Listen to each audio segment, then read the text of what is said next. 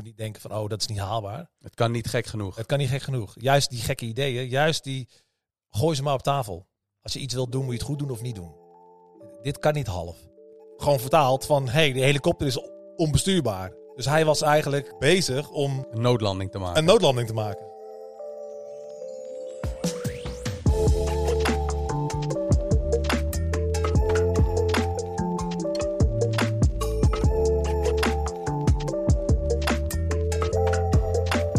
Welkom bij Puur, de podcast, aflevering 5 alweer. Vandaag hebben we een mooie gast uit eh, de buurt, uit Utrecht.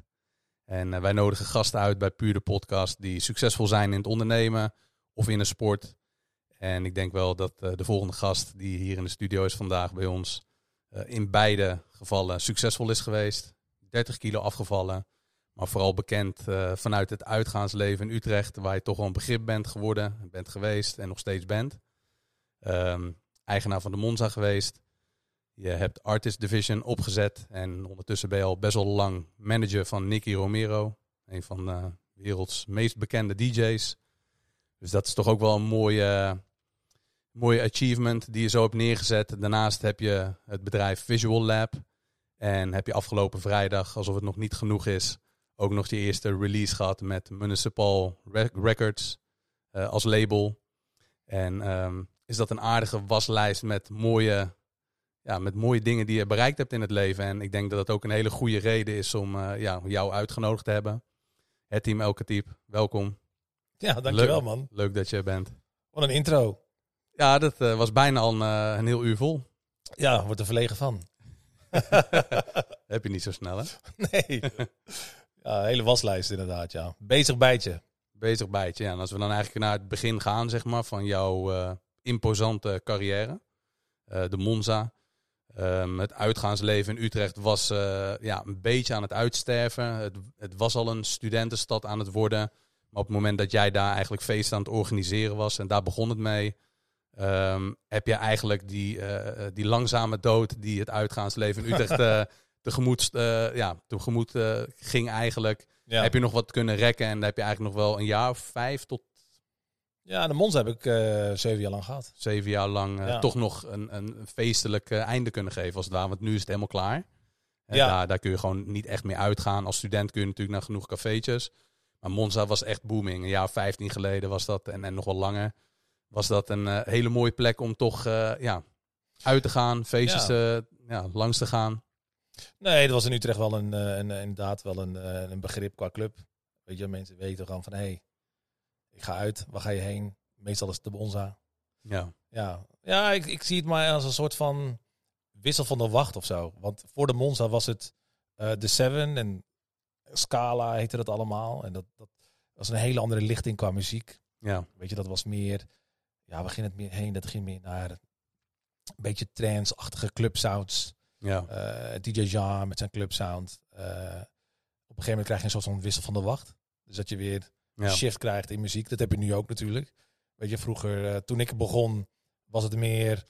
Ja, ik pakte het op met eh, de Roogs en de Irakees. Hè. Dat was echt een beetje de, eh, een house evenement, Super Sunday, op zondag. Waar iedereen mij een beetje voor, gek verklaarde. Dat was nieuw, hè? Jij, jij hebt, hè, hoe, ehm, voor mensen die jou niet kennen, Ja, jij was daar in één keer in het Utrechtse uitgaansleven. ja. En, en, en, en werd vrij snel succesvol met een nieuw concept. En dat was dan Ja. op zondag. Eh, Weet je, ik, ehm, ik woonde toen al in Utrecht en ik had, eh, ik had een kantoortje onder bij de Rhythm Import op de Mariaplaats.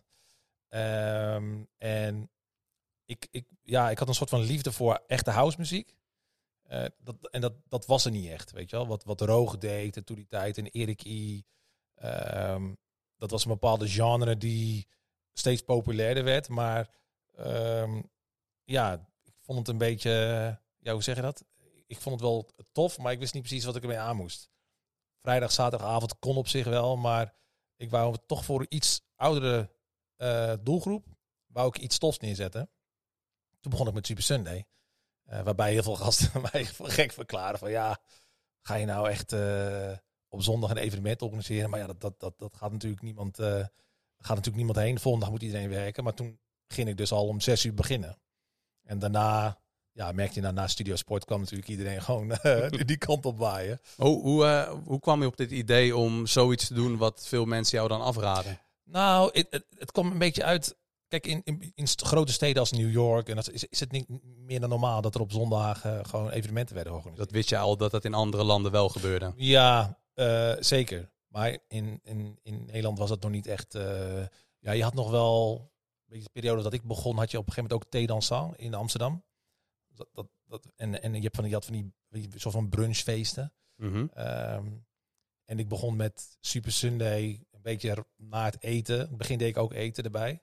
En dan was het al om één uur klaar. Ja. Dus de volgende dag was je nog steeds gewoon fris en fruitig eh, op je werk. Eh, en dat idee, een beetje wat we nu hebben in de lockdown. Dat, ja, ja, ja. dat als de overheid zegt van hé, om één uur moet de tent dicht. Dat je de volgende dag gewoon nog fris wakker wordt. ja. Eh, dat had je dan toen nog op zondag. ja. En dat was denk ik ook wel het succes van, hey, je hebt toffe muziek. Op zondag komen er toch eh, iets ouder publiek op af. ja. Want in het weekend gaan juist de kids wat meer uit. Dus die leeftijd was al heel snel eh, al 21 plus, 23, 24. En je merkte ook wel dat mensen daar ook een beetje aan toe waren. Weet je wel? Die, dat ze zoiets hadden van ja, op vrijdag en zaterdag waren er toch wat ja, meer feestjes voor ja. wat jonger publiek. En op Super Sunday kon je wat meer levelen. En de, de muziek vond ik zelf ook, eh, de muziek, de DJ's, die, eh, die draaiden ook wel wat meer volwassen eh, sounds, weet je wel. Dan moet je echt wel... eh, da- daar begon het eigenlijk mee. Dat was eigenlijk een beetje de kick-off van, van mijn evenementencarrière. Ja, ja, dat was Ja. wel een mooie periode waarbij dus een, een soort van nieuw, nieuw geluid was geboren. Een soort nieuwe eh, house genre was geboren. Ja. Een beetje Latin house-achtig en, en dat soort type house wat meer. Eh, de zondagavond was dan eh, in Utrecht in ieder geval vrij nieuw. En de mensen die op vrijdag en zaterdag uitgingen, die konden dus op zondag sowieso komen. Ja. En de leeftijdsgrens was volgens mij wat hoger. Waar normaal gewoon 18 is. eh, Ja, dit was 21 plus, ja. En Ja. ik denk ook wel dat de, diegene die jij uitnodigde, dat dat wel ook heeft uitgemaakt. Hè? Want het waren ook geen kleine namen, zeg maar, die dan in één keer naar Utrecht kwamen. Die misschien normaal gesproken daar niet kwamen. Nee, klopt. Ook heel veel internationale artiesten hoor. Ik deed ook heel veel met heel veel defected artiesten. Weet je wel, eh, en ja, dat was natuurlijk gewoon voor Utrechtse begrippen. Ja, die kenden dat toen helemaal niet. Nu merk je het wel, nu is het steeds normaler. Hè? Amerikaanse artiesten die dan in, Nederland komen. En, eh, maar toen was het nog allemaal een beetje eh, upcoming. Ja, dat was wel grappig. En ja, Super Sunday deed ik al heel lang. En toen ik op een gegeven moment de Monza, toen ik echt in de Monza zat als eh, compagnon, toen begon ik ook met echt een wat bredere programmering. En daarbij ontstond ook het hele ja, Dutch House effect. Dat was toen de Ja. Chuckies, de Sydney Sampsons, weet je wel, de echte Bleepies House, Afrojack. dus dat was ook weer een periode voordat ze naar eh, Amerika gingen. Want er er was denk ik een periode van ongeveer, ik denk vier jaar, dat ze in Nederland echt heel veel rondjes deden. Die jongens deden echt gewoon drie boekingen op een avond minimaal. Ehm, en op een gegeven moment eh, werd die Dutch House, die was gewoon zo populair bij de kids, dat ik, eh, dat, ik dat echt op vrijdag en zaterdagavonden gewoon eh, volop deed. Donderdagavond studentenavond, dierentuin noem ik dat. Dat was altijd gewoon feest. En, eh, maar op een gegeven moment kwam daar ook weer die wissel van de wacht. Toen werd het meer eclectic, meer urban. En ehm, ja, op een gegeven moment vond ik het voor mezelf niet meer uitdagend genoeg. Ook samen met mijn compagnon, dat we zoiets hadden van ja, what's nieuw? Weet je, what's, what, what's next? Willen we hier blijven? Willen we dit doorzetten? Ja, Eh, waarbij we allebei een soort van, dat, ja, onze passie lag daar niet helemaal bij die, eh, bij die genre.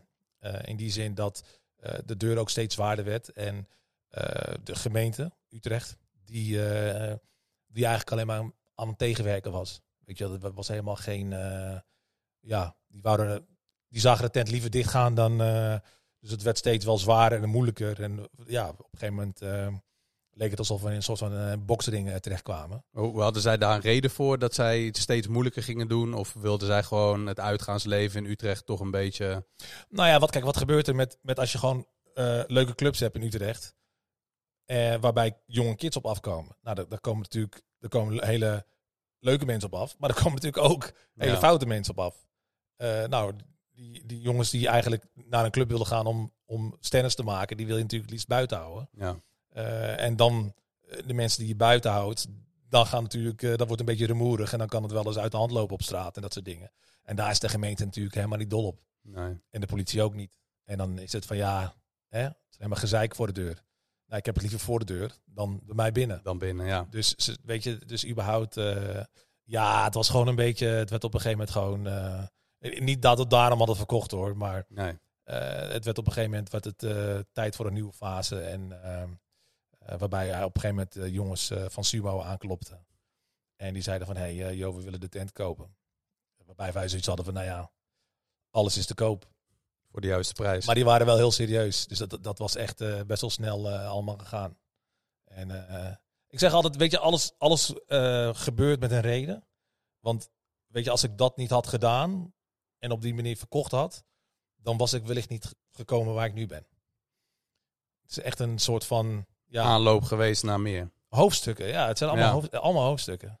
Want jij, jij was begin 20 toen jij begon met de Monza eigenlijk. Met de eerste feesten eh, organiseren. Begin 20, vrij jong. Ja. Jouw netwerk was er toen al. Dus jij kende die jongens al die dan bij jou wilden gaan draaien. Ja. Dus dat maakt het allemaal wat makkelijker. Maar had je toen door van, hé, hey, ik ben begin 20. Ik ben, eh, ik ben wel wat succesvoller dan de meeste mensen op mijn leeftijd. Had je dat toen al door? Had je dat besef toen al? Nee. Nee, ik keek echt helemaal niet om me heen. Je stond niet echt stil bij het feit dat je eigenlijk een eh, inmiddels al succesvol ondernemer was. Zelfs voordat Sumo op de deur klopte. Nee, had ik helemaal niet. eh, nee. Ik wist wel dat van, hé, hey, ik ben jong, maar ik, ik ging mezelf niet vergelijken met. Nee, dat zo. eh, Besef je dat nu wel? Nu wel, ja. Als ik zo de intro doe van Ja, bijna anderhalf Nee, uur. ja, maar, dan, nee, eh, maar nu, nu wel. Want ik was toen. ik- kijk, als je op een gegeven moment 23 jaar bent. En je bent eigenaar van een best wel eh, eh, grote club in Utrecht. En waarbij we natuurlijk ook daarna best wel wat een, een Nightlife Awards binnen hebben gesleept. Ben je natuurlijk super trots op. En dan, dan besef je later eigenlijk van wow. We hebben wel echt iets neergezet. En zeker ook daarna, hè. Dat is Ja. wel grappig altijd. Want wanneer iets weg is, merk je eigenlijk het gemis. Van wow, ja, Club Monzo, wauw. Ja, dat is echt... ja. Weet je, ja, dus dat is wel een. eh, en ik kijk er ook wel heel, eh, heel ja, best wel eh, enthousiast naar terug ook. Van ja, dat was ook wel echt een hele mooie, mooie fase. Maar dat zeg ik ook altijd.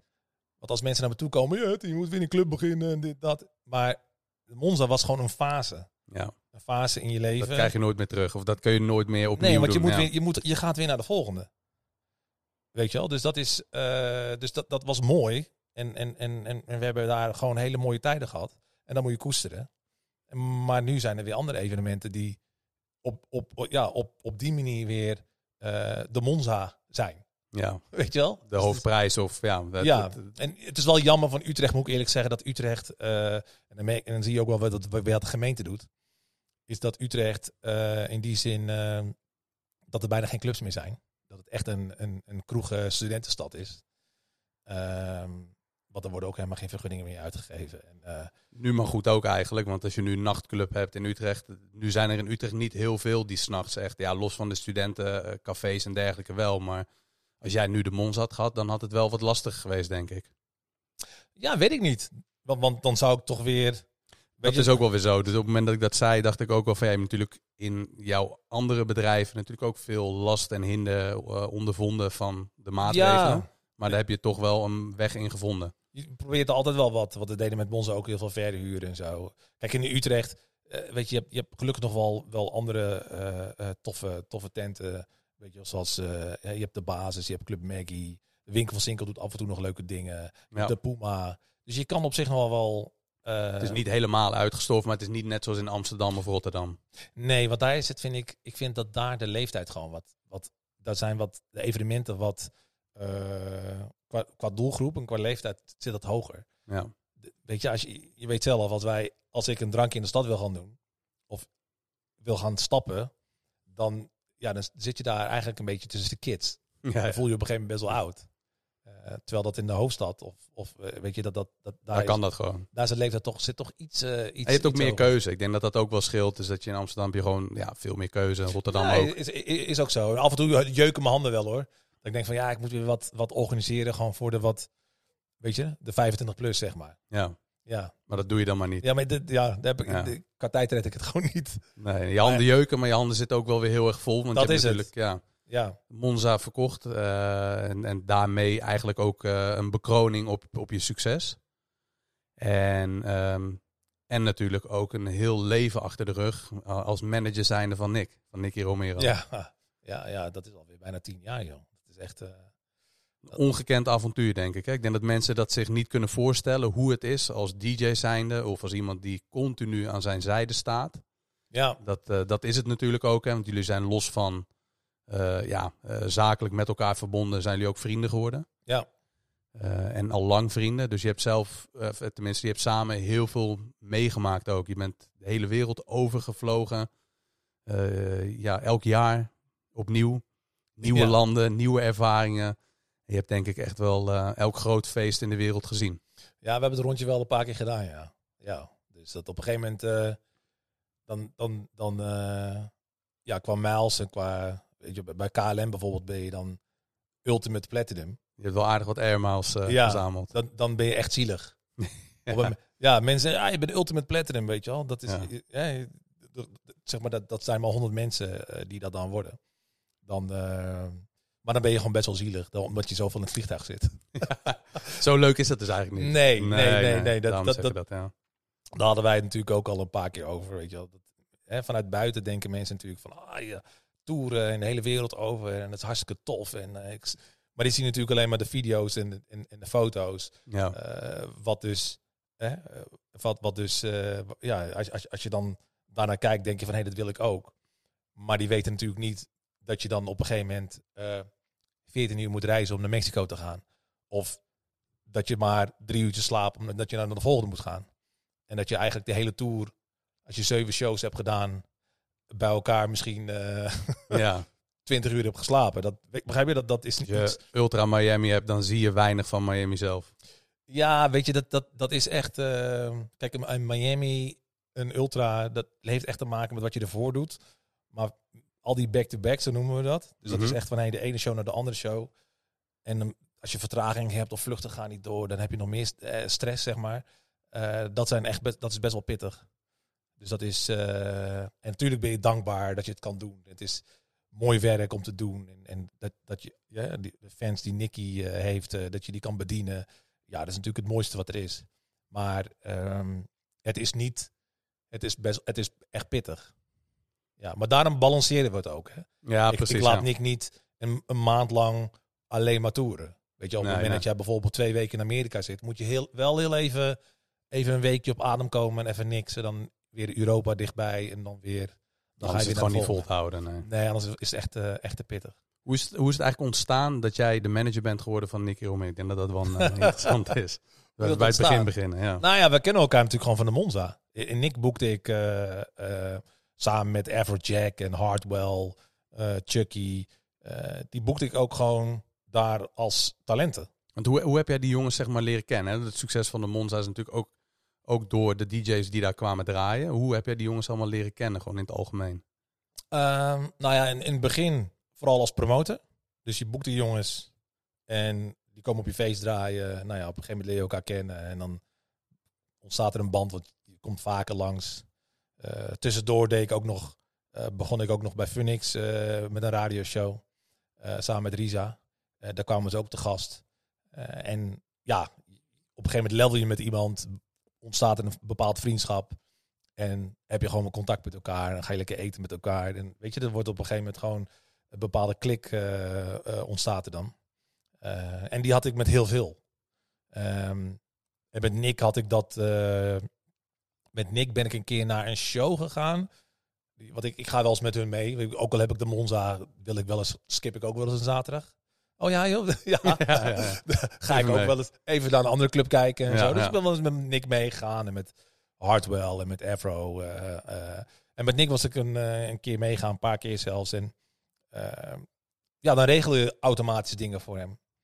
En uh, toen zei hij ook tegen mij van, nee Hetty, maar weet je, jij bent natuurlijk gewoon, je snapt alles natuurlijk. Je, je weet ook hoe je een evenement moet neerzetten. Je kent de hele, het hele rijlen en zeilen eromheen. Productietechnisch ook, want ik deed natuurlijk ook evenementen in de Center Studios. Uh, dus ook alles qua techniek uh, uh, kende ik en mijn hele, team om me heen. Toen zei Nick van, ja, wil je dat niet ook voor mij doen? Um, dus hè, vind, vind het niet leuk om, om daarin in, in, mijn, uh, bij Nick Romero betrokken te raken? Daar moest ik over nadenken. Oké, ja, even kijken in hoeverre ik dat dan wil doen. Ehm, Nick had toen ook een manager. En ehm, nou, daar hebben we toen een paar keer mee gezeten. Dat op een gegeven moment ging het wel met mij een beetje van... hey, misschien is dat, is dat wel de volgende stap of zo. Beetje na Monza. Dus een logische vervolg Want, op je want dat gebeurde. Maar toen, de hele grap is, dat daarom had, heb- ik had het net ook over hoofdstukken. Eh, wat daar ook voor gebeurde, was dat de sumo. Ik was, toen Ja. dat gebeurde, was ik al met sumo de club aan het verkopen. Ja, ja. Weet je wel? Dus dat was eigenlijk een soort van, oh, dit, is de, dit wordt dan de volgende fase.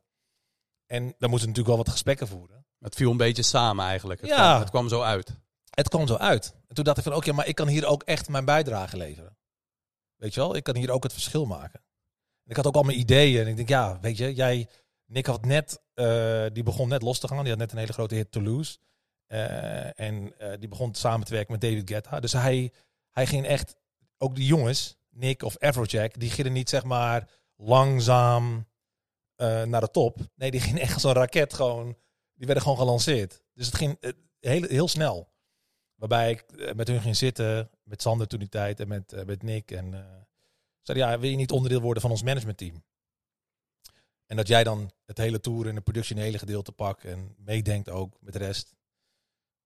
Dat, nou, toen zijn wij gezamenlijk protocol, eh, zeg maar de protocolgroep begonnen. Eh, en, eh, ja, en later pas, echt jaren later, toen Sander en Nick uit elkaar gingen, dat kan. Weet je, dat is ook gewoon een soort van relatie die op een gegeven moment niet meer kan werken. Toen ben ik naar voren gestapt als, eh, als manager. Eh, en dan, dat was weer de volgende fase. ja, ja. Weet je wel? Dus Weer een stap eh, verder. Eigenlijk weer, bij... Weer, weer een stap verder, ja. Ja. Dus, eh, en op die manier heb ik met Nick eigenlijk al, ja. eh, dus weet je, voor iedereen om het een beetje uit te leggen. Ik begon dus eigenlijk met, als je dus Nicky Romero ziet optreden, dan heb je de stage, het podium waar hij optreedt. En eigenlijk alles wat daar gebeurt, dat doe ik. Dus ik had toen eh, Rick met me mee. Die is dan de visuals. En ik had een lichtman mee. En dat programmeerden wij helemaal op zijn muziek, weet je wel. Dat, dat echt helemaal een soort van verhaal aan het vertellen waren. Met een intro en eh, eh, alles was op elkaar eh, afgestemd. Zelfs vuurwerk en ja, noem het allemaal maar op. Dus alles in, in, tot in de puntjes is gewoon op elkaar afgestemd. En dat, dat dirigeer ik. Echt het verschil maken, zeg maar. Dus niet puur de basis, maar de basis goed doen. En daarnaast ook nog de details, zeg maar, Ja, helemaal goed verzorgen. en dat wereldwijd. Want, want Brazilië is niet, kan je niet vergelijken met bijvoorbeeld Barcelona. Net iets anders. Ja, is een iets andere manier van werken. En Ja. eh, dan gaat er een team van tevoren heen en die moeten dat allemaal van tevoren dus programmeren en eh, zorgen dat alles overal hetzelfde is. Zodat je overal wereldwijd het verhaal kan vertellen. Dat, dat is wel een, ehm, ja, het deel van jouw succes is natuurlijk het team waarmee je werkt. Hè? Want jij kan hetgene wat jij doet, kun je eigenlijk niet of moeilijk alleen doen. Je hebt echt mensen nodig die in bepaalde zaken gewoon gespecialiseerd zijn, die lampen en dergelijke. Ehm, dus jij hebt echt met een team gewerkt, eigenlijk ook bij de Monza wel, want daar heb je natuurlijk ook te maken met een team. Ja, Jij bent niet echt begonnen, ehm, zoals veel ondernemers, eerst even zelf eh, hè, veel doen. Maar je bent al vrij snel in teamverband te werk gegaan. ja want, want kijk, eh, bij, bij artiesten eh, en zelfs ook in mijn eigen bedrijf he- heb je een team nodig. Want iedereen is goed in iets. Weet je, iedereen heeft een bepaalde specialisatie.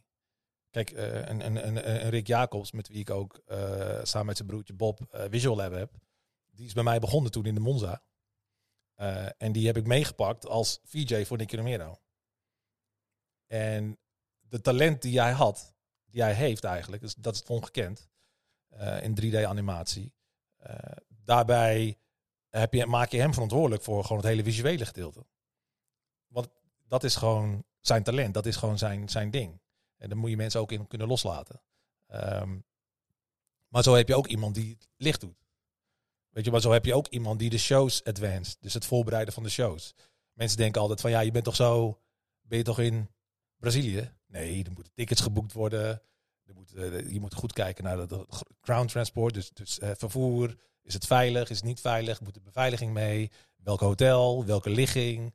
Restaurants. Eh, restaurants, hoe snel ben je daar? eh, weet je, dus alles tot in de puntjes wordt gewoon uitgedotterd. Eh, en dat gooien we al met een speciale app. waarbij het voor de artiest makkelijk is om in te zien. Maar daar zit ook weer iemand achter die dat weer organiseert. Dus je hebt een heel team om je heen. Een heel proces wat eraan vooraf gaat voordat iemand dan dat uurtje bewijs van kan draaien. Dat is niet Ja. even aankomen, draaien en weer weg. Ja, maar ook het hele bedrijf denk je er meer over. Want je hebt ook, weet je, we hebben iemand van social media. Weet je, die daar weer gespecialiseerd in is. We hebben, je hebt ook nog mensen die eh, eh, in de studio's eh, de, de boel eh, eh, runnen. Weet je wel, want eh, platen moeten ook afgemixt worden. Je hebt ook studio, studio engineers. Je hebt ook eh A&R's heb je die. eh, weet je, dus Nick heeft ook een eigen label. Er zitten ook weer eh, acht mensen. Ja. dus het is, het is onmens, in, in mens groot. Eh, maar iedereen heeft in het team een bepaalde specialisatie. En, ehm, en die geef je ook zeg maar de ruimte om te ontwikkelen. Dan dat je, je kan het niet zelf doen. Dat is eh, onmogelijk. Kijk, ik weet wel ongeveer hoe ik het allemaal wil hebben. Je hebt wel op elk proces heb je wel invloed, maar je laat iedereen zeg maar in zijn specialisme Ja, verantwoordelijk. precies. Dat is eigenlijk het mooie ook. Dus eigenlijk maakt dat jou dan los van dat je zelf heel ondernemend bent en goed in wat je doet. eh, ook een coach als het ware van het team. Ja, ik denk dat, en, en ik denk dat als je, als je mensen de vrijheid geeft, dat ze één creatiever worden. En, en dat je met elkaar juist het verschil maakt. Eh, en, en dan dat je zeg maar echt in iemands hek, nek zit te hijgen. Of eh, weet je wel, of dat je continu eh, iemand moet aanspreken of whatever. wat voor type coach ben je als je jezelf met een, met een voetbaltrainer zou vergelijken? ik denk dat ik Mourinho ben, denk ik. Net te gek. Nou, weet je, ik vind het. kijk, we hebben met z'n allen een goede verstandshouding. En ik, ik, ik ben heel chill. Eh, totdat je het opfokt. Ja, ja, ja, ja. ja. Weet je wel. Maar ik probeer dat wel altijd te voorkomen. Ja, dus iedereen kan gewoon zijn ding doen. Iedereen Ja. heeft gewoon zijn ruimte, verantwoordelijkheden, eh, vrijheid. Ja. Maar er moet wel gewoon gepresteerd worden, want anders had je natuurlijk ook nooit kunnen komen waar je nu staat. Ja, klopt. Maar dat geldt niet alleen voor mezelf. Maar dat is ook. Je hebt gewoon een bepaalde brand. Weet je, die, eh, die je gewoon in de lucht moet houden. En waar je steeds eigenlijk wil groeien. Je wil elk jaar weer groeien. Wat zijn bepaalde eigenschappen, zeg maar, die, eh, waarvan jij het belangrijk vindt dat die naar voren komen? We hebben het net al natuurlijk even gehad over op tijd komen, ja, een basis iets. Maar wat zijn voor jou bepaalde eigenschappen dat je denkt van ja, hier wil ik wel, ik wil wel dat mensen dit van mij meekrijgen. Dat ze dit zien, omdat je dat dan bij hun ook weer belangrijk vindt. Oeh, goede vraag. Ja. Ja, eigenschappen. Weet je, ja. Wat, wat zoek je als je iem- eh, een nieuw, nieuw personeel, personeel is misschien niet het juiste Ik woord, denk, ik denk, je... ik denk dat, dat, dat, dat iedereen in mijn team zelfstandig is. Mhm. Dus niet continu eh, vragen stellen, maar ook zoeken naar antwoorden. Dus hè, 9 van de 10 keer dan, als, als mensen continu dingen vragen, dan denk ik, ja, weet je wat, wat denk je zelf? Hè? En dan ga zelf even zoeken. Of, dus dat is denk ik wel een belangrijk ding. Dus dat je gewoon zelfstandig bent. Eh, nou, los daarvan is natuurlijk, eh, de creativiteit is natuurlijk heel belangrijk. Je moet wel een bepaald denkvermogen hebben. Altijd out of the box. Niks in de box. Je moet altijd, het kan, weet je wat, daarmee maak je ook het verschil. Eh, dus, dus je moet niet denken van, oh, dat is niet haalbaar. Het kan niet gek genoeg. Het kan niet gek genoeg. Juist die gekke ideeën, juist die, gooi ze maar op tafel. Juist die zondagavond een feestje organiseren. Ja, nee, maar, maar zo is het. Bij, Ja. Waar heel veel mensen eh, van, oh ja, nee, dat wordt nu wel heel te gek hoor. Weet je, dat, Ja. nee, nee, dat, vaak moet je juist door die, eh eh, daardoorheen. Ehm, en, en gewoon eerlijkheid. Weet je, iedereen moet gewoon eerlijk zijn. Dat is echt de essentie, denk ik, van een goede relatie. Ja. Ja. En ehm, zijn, zijn er ook dingen die jij de afgelopen jaren, zeg maar, echt anders had gedaan? Je hebt natuurlijk ook verschillende bedrijven opgezet. Eh, als je terugkijkt op die periode, wat, wat had je misschien echt anders kunnen doen? Of waar denk je van, oké, dat, dat is niet helemaal eh, lekker verlopen? Zijn er dingen die bijvoorbeeld niet geslaagd zijn? Je hebt natuurlijk heel veel geslaagde concepten en ideeën. Wat zijn dingen die bijvoorbeeld Ja. stuk gelopen zijn? Of relaties misschien wel? Nee, maar kijk, luister, ik kom vanuit de evenementenbusiness. Niet elk evenement is, is, is een, top, is een topper. Weet je? Ehm, kijk, een Super Sunday bijvoorbeeld. eh, de eerste twee eh, Super Sundays. Het was niet zo dat het meteen volle bak was. Moet wel een beetje, je moet wel een, een, lange adem hebben. En opbouwen en mensen uitnodigen. Wat ik deed, back in the days, toen met Super Sunday. Weten dat het een nieuw evenement is. Ik geloof in wat ik daar neerzet. de sound en weet je, eh, ook de aankleding, hoe artwork eruit ziet. Ehm, weet je, tot in de puntjes zelfs de drankjes. Ehm, hè, zelfs een doorbitch was ook heel nieuw. Door, wat is een doorbitch? Weet je, gewoon echt iemand die voor de deur gewoon tegen jou zegt van... hey, welkom. Of hey, eh, kan je de volgende keer even toch eventjes de andere broekje aandoen, weet je Ja, wel. ja, ja. Ja, gewoon even die, die details. Geef net even wat extra's. geef net wat extra's. Maar toen die tijd gaf ik ook, nodig ik ook heel veel mensen uit. Weet je, de, de helft van de mensen die binnen waren, waren gewoon uitgenodigd. Eh, en dan ga je dat eigenlijk steeds verminderen. En dan op een gegeven moment hoefde dat niet meer. Maar om die mensen eerst naar je club te halen en naar je evenement te halen, zou je toch eerst moeten investeren. Dat vind ik wel mooi inderdaad. We hebben elkaar een aantal keer gesproken. En wat mij daarin opvalt, zeg maar, is je werkt al snel met een team. Jij werkt al snel met veel investeren. Waarbij veel ondernemers ook, die gaan steentje voor steentje hun eh, ja, ondernemingshuis als het ware bouwen. En die wachten dan ook tot er geld vrijkomt voor bepaalde mensen. Maar je had eigenlijk wel gelijk door dat er gewoon veel geïnvesteerd moet worden door middel van je team. Mensen uitnodigen dan, de aankleding van, van alles Ja. wat je doet. Ehm, dus dat had je eigenlijk wel snel door. Is dat, is dat iets dat je dan toen ook al heel erg bij stil stond? Of ging dat eigenlijk meer een beetje automatisch? Nou, dat, dat, dat is denk ik ook wel ehm, iets, iets vanuit mezelf. Als je iets wilt doen, moet je het goed doen of niet doen. Dit kan niet half. Weet je, je, je hebt gewoon één impressie. Weet je, dit, je eerste impressie is gewoon, is geen, Ja, je hebt geen tweede kans. Dus op het moment dat ik jou uitnodig van, hey, eh, weet je, kom, kom naar mijn club, kom naar Super Sunday. En ik maak een hele mooie uitnodiging. Die geef ik jou. Je komt eraan en het is helemaal geweldig. Volle bak en al die drankjes en eh, muziek. Eh, weet je, dat, dan, dan wil jij de volgende keer weer komen. Maar dan krijg je van mij geen uitnodiging. dan moet je gewoon zelf Ja, betalen. precies. Maar dus, Ja. dus zeg maar, om het allemaal goed neer te zetten, ook met danseressen en entertainment. Ja, dat is natuurlijk, dat, dat, dat kost wat. En ik weet dat ik het niet meteen uithaal. Maar ik weet wel, dat was het hele idee, dat na een aantal keren, hè, of het nou vijf keer of tien is, dan komt dat wel weer terug. Ehm, omdat ik, ik kan dat niet rustig aandoen. Ik kan niet zeggen van, weet je wat, ik wacht even met die, die danseressen. Ik wacht even met die doorbitch. Ik wacht even met een flyer die ik echt heel vet vind. Eh, want dat, dat, dat, dat moet je ook gewoon in investeren, weet je wel. Een mooie flyer. En dat was toen helemaal in, hè. Ja. Die speciale lak erop. En eh, dat je Ja. denkt van, wow, wat heb ik hier in mijn handen. Dus dat moest toen gewoon vanuit mij. Ik, dat is gewoon hoe je het moet neerzetten. Want dat is gewoon dat je niet achteraf hebt, ja, had ik het wel anders gedaan. Eh, klopt, kost geld. Maar ik geloof er wel in dat het er dan wel weer terug zou komen.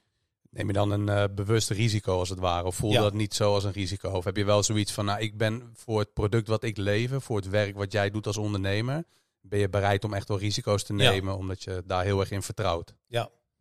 Dus dat is eigenlijk wel heel belangrijk. En, Ja. en, en mocht dat niet zo zijn, dan moet je misschien eerst wat aan je product gaan doen. Ja, mee eens. Dat is eigenlijk wel wat er veel gebeurt. Want dat is een beetje ook het, het spel ondernemen spelen. Dat kun je natuurlijk op verschillende vlakken doen. En je kan dat wat je zegt, je kan het half doen en, en wachten. En, en jaar voor jaar elke keer een stapje verder. En dan neem je op een gegeven moment een boekhouder. Ja, Dan investeer je een keer in een goede website. En stap voor stap kom je verder. Maar je kan ook zeggen van, weet je wat, ik wil gelijk gewoon dat, dat hoogste level spelen. Ehm, ik ga gewoon volle bak. ja, dat is een keuze die je maakt. Kijk, je kan ook langzaam opbouwen. Maar dan wordt het wel heel, weet je, dan, dan moet je echt heel veel tijd eh, ervoor nemen. En, en de investeringen daar, heb je dat allemaal zelf voor je? Heb je met iemand samengewerkt? Of hoe werkte dat een beetje? Hoe, hoe kwam jij als het ware aan jouw, eh, ja, ehm, Daar heb ik echt, eh, daar heb ik echt eh, voor zitten zwoegen, ja. hard Ja. gewerkt om geld te hebben om weer verder te kunnen ja, investeren? Ja, ik woonde, ik, daarvoor woonde ik nog heel lang bij mijn ouders thuis. En, en ik, ik, ik deed daarvoor deed ik een, een soort van koksopleiding. Dus ik werkte al een soort van fulltime. Dat werken leren verhaal. Daarna kwam nog Phoenix tussendoor en dan nog ook evenementen organiseren. Dus ik was al zeven dagen in de week was ik gewoon aan de bak. Was ik gewoon volop bezig. En ik, ik legde wel gewoon elke keer geld apart. En daarmee, daar heb ik mee in geïnvesteerd. Dus dat zat er eigenlijk al wel, wel vroeg in. Het investeren, of tenminste in ieder geval het sparen, zodat je dat dan kon investeren op het moment dat het nodig was. Ja, je moet ook niet vergeten natuurlijk dat op het moment dat... Kijk, ik heb mijn hele leven lang al gespaard. Ik ben nooit een, een, een big spender geweest. Ik ben nooit iemand geweest van oh, merkkleding of weet je, dat, dat, dat boeide me allemaal niet zo heel erg. Ehm, maar ehm, kijk, je moet natuurlijk wel gewoon goed uitzien. ja, ja, ja. Weet je? Maar het is ook niet zo dat je dan met, eh, met de zeeman uh, aan komt zetten of uh, whatever. Maar mijn focus lag gewoon op, op heel andere dingen. Ehm, maar daarbij heb, maak ik natuurlijk ook wel gewoon een begroting. En dan zie je ook wel van oké, wat heb je nodig om erin te steken? En je haalt ook natuurlijk nog eens een keer wat vanuit de inkomsten van een kaart en dat soort dingen. Dus je kan nog wel. Dus het is niet een mega investering voor een feestje organiseren. Ehm, en ik had ook wel een goede deal natuurlijk met die, toen die tijd met de Monza, voordat ik eigenaar werd. Dus, hè, want die dachten ook van ja, hey, op zondag zijn we normaal dicht. Ik zeg, ja, ga je huur betalen? Ik zeg, nee, ik ga geen huur betalen. Nee. Weet je, dat is zo. Ja, precies. Je, je, bent, je bent gewoon met de middelen die je dan op dat moment hebt, probeer daar gewoon alles uit te halen. Ja, een beetje goed, goed uit onderhandelen. Weet je, af en toe een beetje bluffen. Onderhandelen, zodat je niet gelijk al je zuurverdiende spaargeld hoeft te investeren. Precies. Kijk, op het moment dat jij een club hebt en, uh, ik kom aankloppen en ik zeg, hey, ik wil op zondag een ev evenement organiseren, dan kan jij natuurlijk zeggen van ja, maar ja, wordt dat, komen er wel mensen? Ja. En dan zeg ik van ja, wordt volle bak.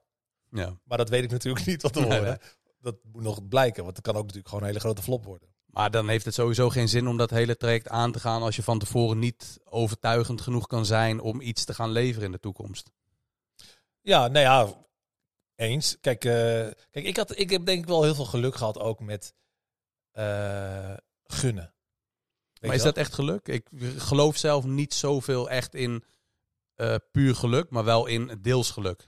Ja, ja, goed. Ja, geluk dwing je af, zeggen ze dan. Maar ja, kijk, weet je, het heeft ook wel een klein beetje te maken met wie je dan tegenover je hebt staan, weet je wel. Ja, en hoe je jezelf ook presenteert, denk ik. Want ja. dat, dat als jij bijvoorbeeld in de situatie komt dat mensen het jou gunnen, wat maakt het dat ze het jou gunnen? Misschien kun jij daar zelf beter antwoorden, maar je hebt natuurlijk wel een beetje jezelf op een bepaalde manier neergezet. En je hebt echt een houding van oké, okay, er is een probleem, moet opgelost worden. Ja. En als iemand bij jou met een probleem komt en check het eerst even zelf. Los het eerst zelf op. Kom je het niet uit, kunnen we altijd even gaan kijken. Ja, ja ik denk dat het ook wel een stukje overtuigen is. Hè? Weet je, ik, ik moet jou ervan overtuigen. Ik neem je bijna mee in mijn concept. Ja, ja. Waarbij, jij ook, waarbij ik jou ook enthousiast maak. Daar was ik altijd wel goed, heel goed in. Ja. Weet je, dus het, het verkopen. Ja, en het geluk creëren, dat is misschien ook wel iets wat je dan hebt gedaan. Maar ik denk altijd wel dat er meer bij komt kijken dan puur dat, ja. dat jij op een, bepaalde moment, op een bepaald moment op een bepaalde plek bent. En dat daar zo een kans in je schoot geworpen eh, wordt. Het is vaak ook, omdat je hard hebt gewerkt, ben jij op dat moment uh, op die plek aanwezig. Ja, ja dat is wel. Ja, dat, dat, zo kun je het ook wel stellen. Jij bent best wel bescheiden, ja, best een ja. beetje. Nee, ja. maar wat, wat zou jij gemiddeld de afgelopen twintig jaar gewerkt hebben aan uren? Nou ja, ik, ik heb heel lang zeven dagen in de week gewoon gewerkt. Meer dan acht uur per dag. Ik zal je eerlijk vertellen, dat, dat, dat eigenlijk door de lockdown, door de hele coronacrisis, ben ik dus minder, ben ik dus in de weekenden niet gaan werken. Waardoor ik normaal ook weg was of bezig was.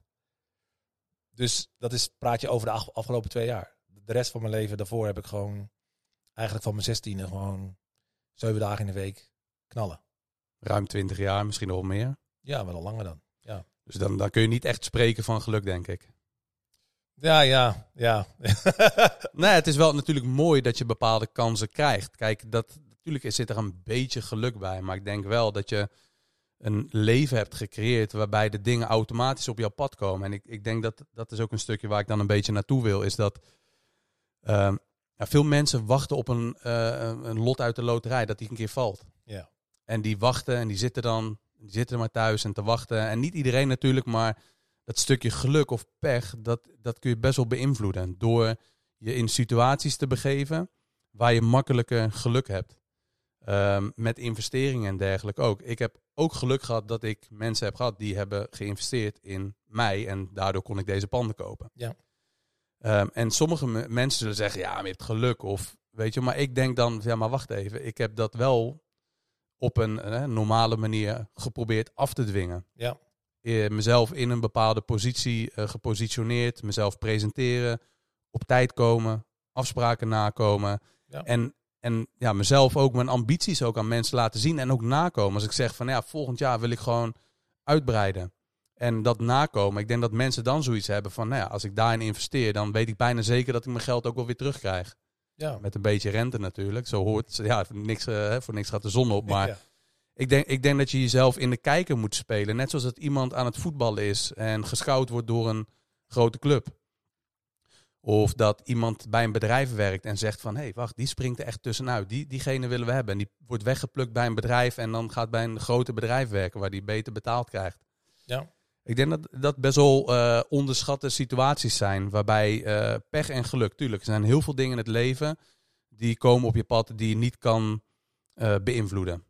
Maar dan heb je nog het stukje wat daarna komt. Hoe ga je om met tegenslagen... en hoe ga, hoe ga je om met positieve dingen... Ja. En hoe zet je jezelf neer in het leven waarbij je gewoon veel makkelijke dingen voor elkaar kan krijgen. En dat geldt voor iedereen. Ja. Maar ik denk dat, dat jij dat wel gewoon eh, heel goed beheerst en misschien niet helemaal altijd hebt beseft. En de bescheidenheid misschien ook wel een grote rol speelt. Maar ik denk wel dat je niet zomaar wordt gevraagd om de manager te worden van Nicky Romero. Eh, niet zomaar, weet je, in de situatie komt om eh, bij Monza daar eh, de tent over te nemen. Ja, nou, ik zal wel, ik zal wel wat je zegt. Dat, dat, daar, zit ook, daar heb je ook wel gelijk in. Er zit zeker wat in. Andersom doe ik het nu tegenwoordig ook.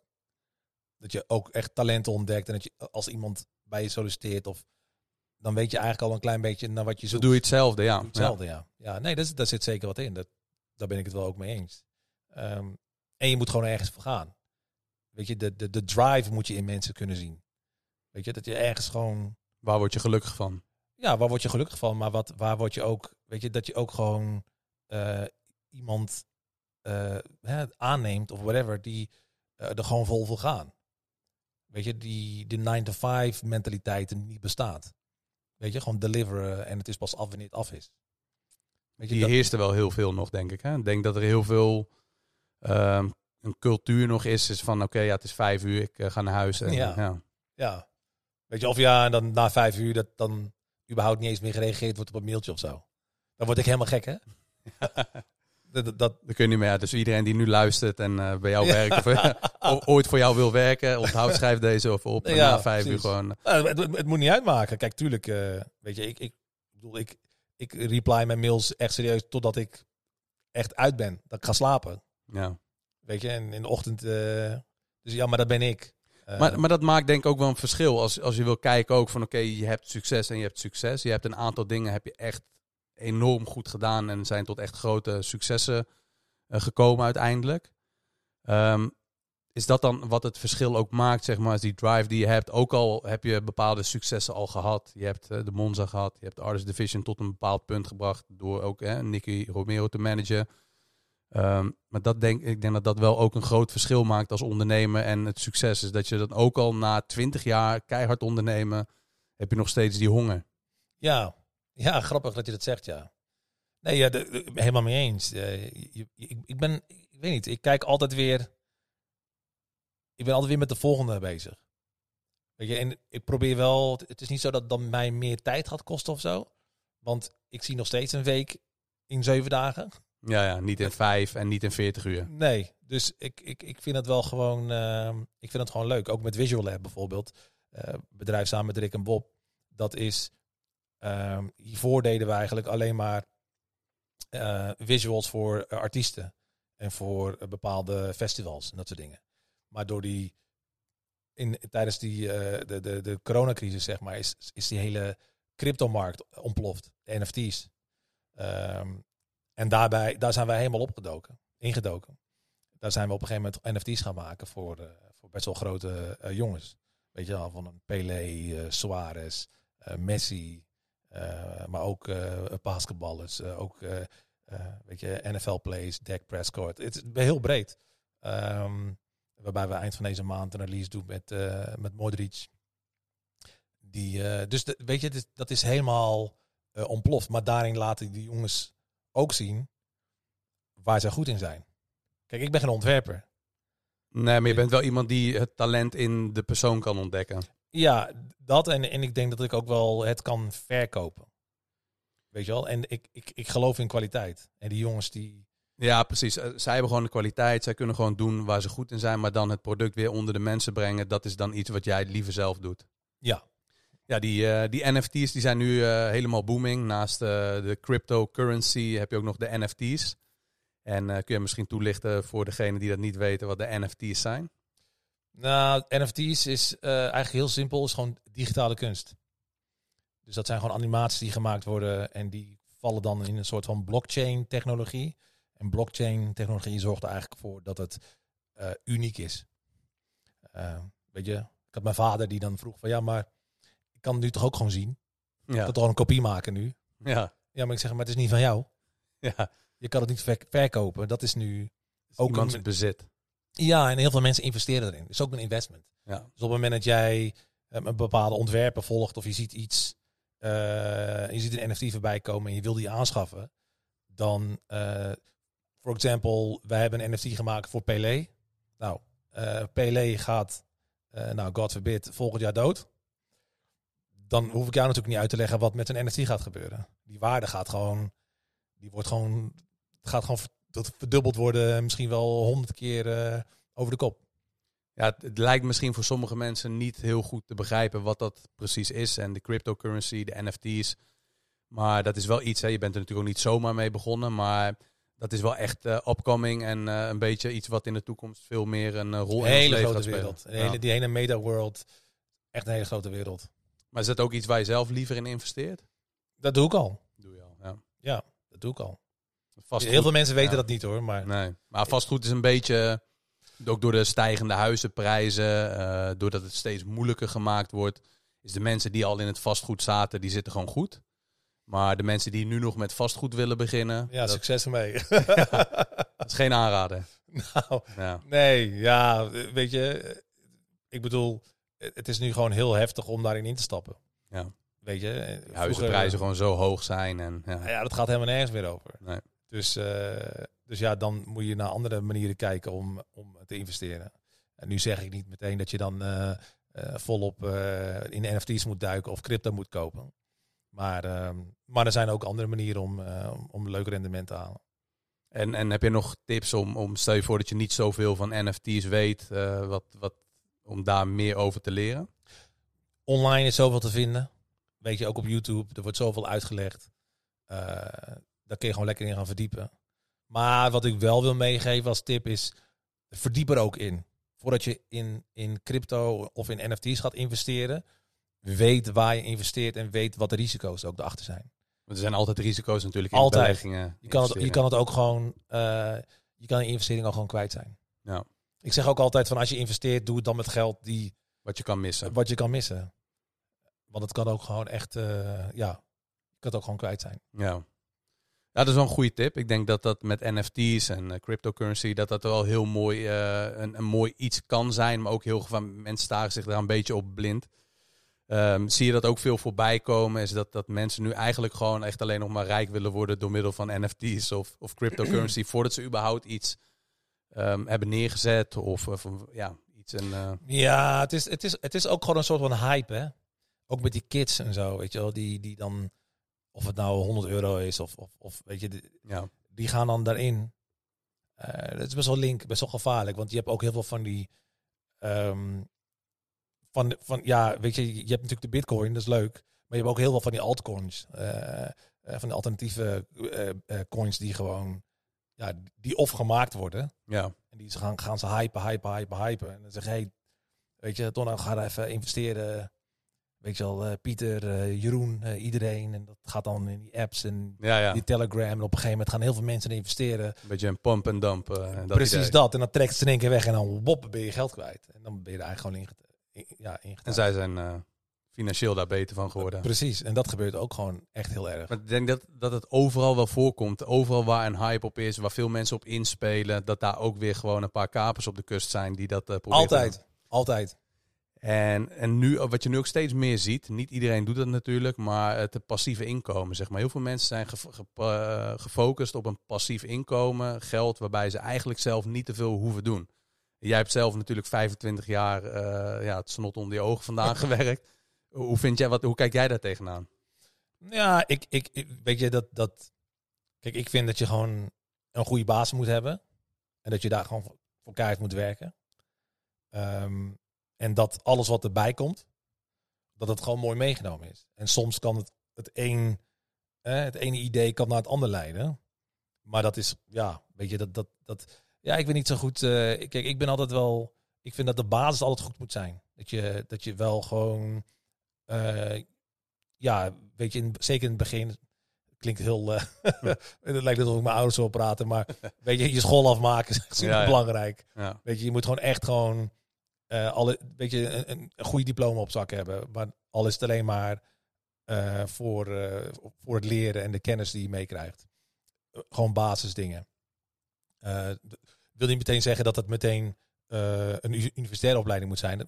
Maar ik kan nog ook gewoon je vooropleiding zijn. Hè? Weet Gewoon je, scholing in het algemeen. algemeen. Ja. Weet je, niet dat je denkt na de basisschool van hey yo, later, eh, ik ben nu crypto boy. Ja, ja, ja. Ja, dat weet je, dat, dat, dat soort dingen. Je moet echt wel gewoon even door. Want ik, ik, ben op, ik was het op een gegeven moment ook een beetje kwijt. Hè? Mhm. Want toen ik, wat, ik kom natuurlijk vanuit de basisschool. En nu kom ik natuurlijk wel uit een, eh, bij een school vandaan. In ieder geval uit een buurt waar, eh, waar natuurlijk, eh, ja, dat, dat, daar zit natuurlijk niet, zeg maar, de, het is niet universitair, zeg maar.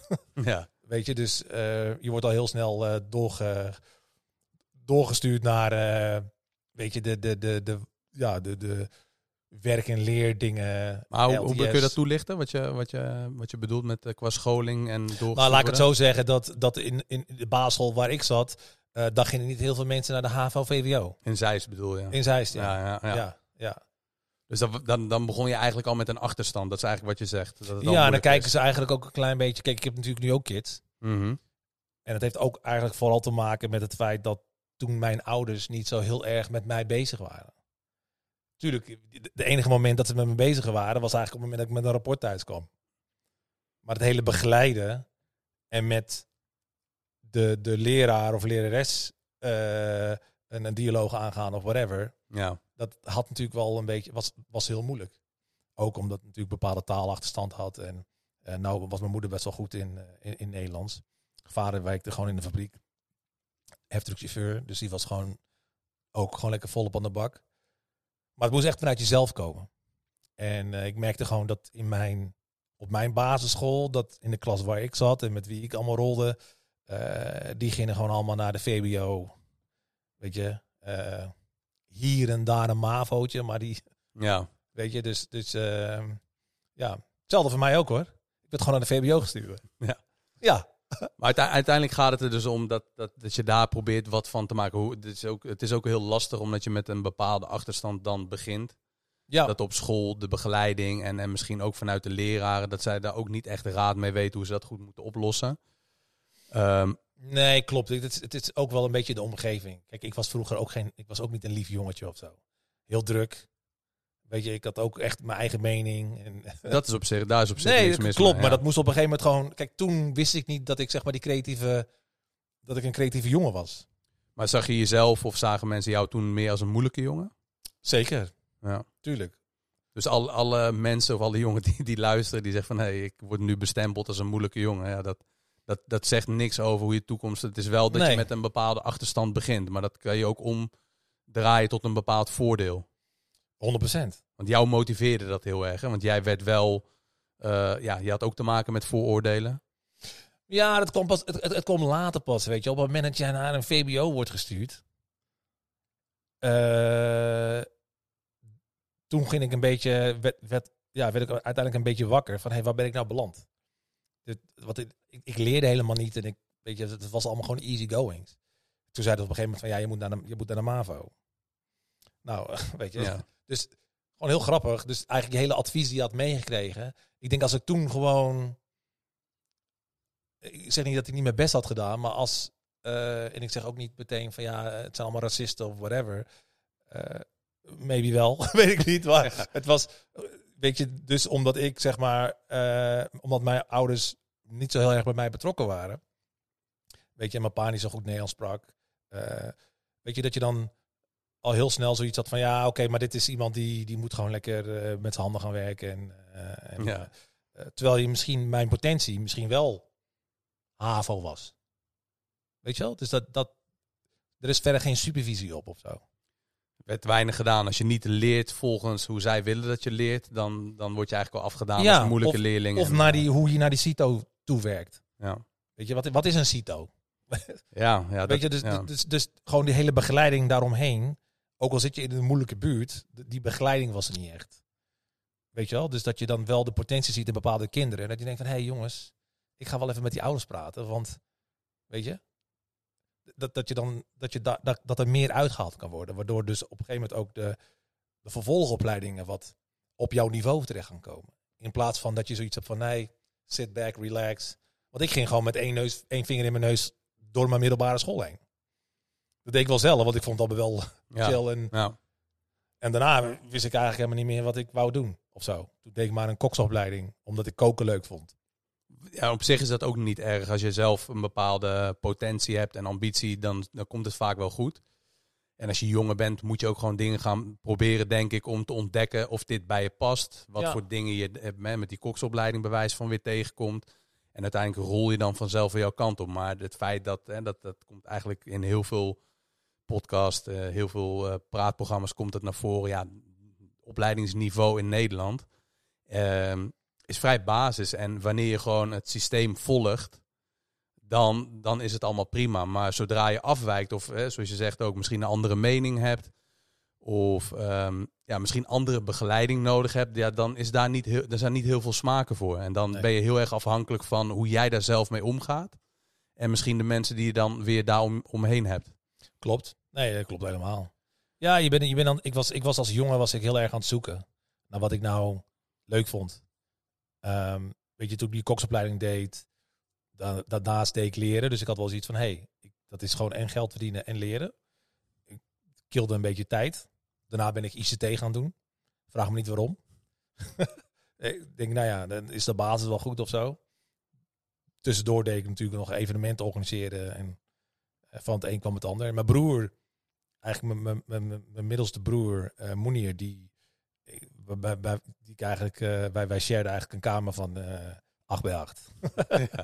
Weet je, dat je gewoon net zo'n klein gleufje hebt waar je dan zeg maar nog door kan lopen en dan is daar je bed, weet je wel. Ja, ja. Ehm, en die had gewoon, waar we zeg maar moesten leren en zo, het bureau, daar stonden gewoon draaitafels. Daar komt jouw eh, voorliefde voor Nou muziek ja, een beetje Ja, vandaan. daar, daar komt het wel een beetje vandaan. En, ehm, en hij, eh, hij was toen, eh, ja, hij was toen lekker met muziek bezig en draaien en, en ja, wel, wel grappig. Ik, was, ik zat toen nog in mijn pyjama thuis en toen ging hij met, eh ging hij met Verder Legrand, toen die tijd, eh, ging hij draaien in de stad in Utrecht. Weet je wel? Dus het is echt gewoon. Zo is het een beetje... eh, En ik mocht helemaal nergens heen. dus, maar nee, zeker. Door mijn broer, denk ik, ben ik wel ook in aanra- aanraking gekomen met muziek. Want ik ging natuurlijk ook stiekem gewoon, toen hij weg was, even zijn... ging ik draaien. En als hij dan achterkwam dat ik aan zijn platen zat, dan kreeg ik natuurlijk wel een draai om oor. Maar het was wel, ja, zo is het wel een klein beetje, beetje ontstaan. En weet je wat ik al zei, ook in het begin van die hoofdstukken. Kijk, ik ben eigenlijk, doordat ik dus zoveel dingen ben gaan doen. Weet je, koksopleiding hier. En daar ont- ontmoet je ook weer mensen. eh, ICT. En daar ontmoet je ook weer mensen. Evenementen organiseren. Op een gegeven moment blijf je daar hangen. Radio. Eh, ben je op een gegeven moment een beetje een soort van door die doolhof heen gaan bewegen. Met problemen, met wat je wilt worden, waar, waar je naartoe werd Ja, beweegd. maar wat ik altijd belangrijk vond, dat is, dat is wel eigenlijk altijd een, een rode draad in mijn leven geweest. Wat ik altijd belangrijk vond, is al vanaf de middelbare school van, hey, want ik deed toen ook al, had ik ook al een krantenwijk. Ik wou altijd wel inkomen hebben. Ik ben nog nooit, ik ben nooit afhankelijk geweest eh, van mijn ouders. Ik heb al die opleidingen. Waar komt dat dan vandaan? Hoe komt het zo dat die drive er zo erg... Heb je, dat, heb je dat ontdekt voor jezelf? Of waar komt het dan vandaan dat je altijd al bezig was met niet afhankelijk willen zijn? Weet ik eigenlijk niet. Merkte je dan Ik- ik- bepaalde ik- nou, beperkingen ik, of denk, zo? Nou, ik denk dat het ook wel komt door mijn ouders of zo, weet je wel. Mijn ma en mijn pa, die hadden ook wel echt van... Weet je, wil je het? Moet je voor werken. Ja.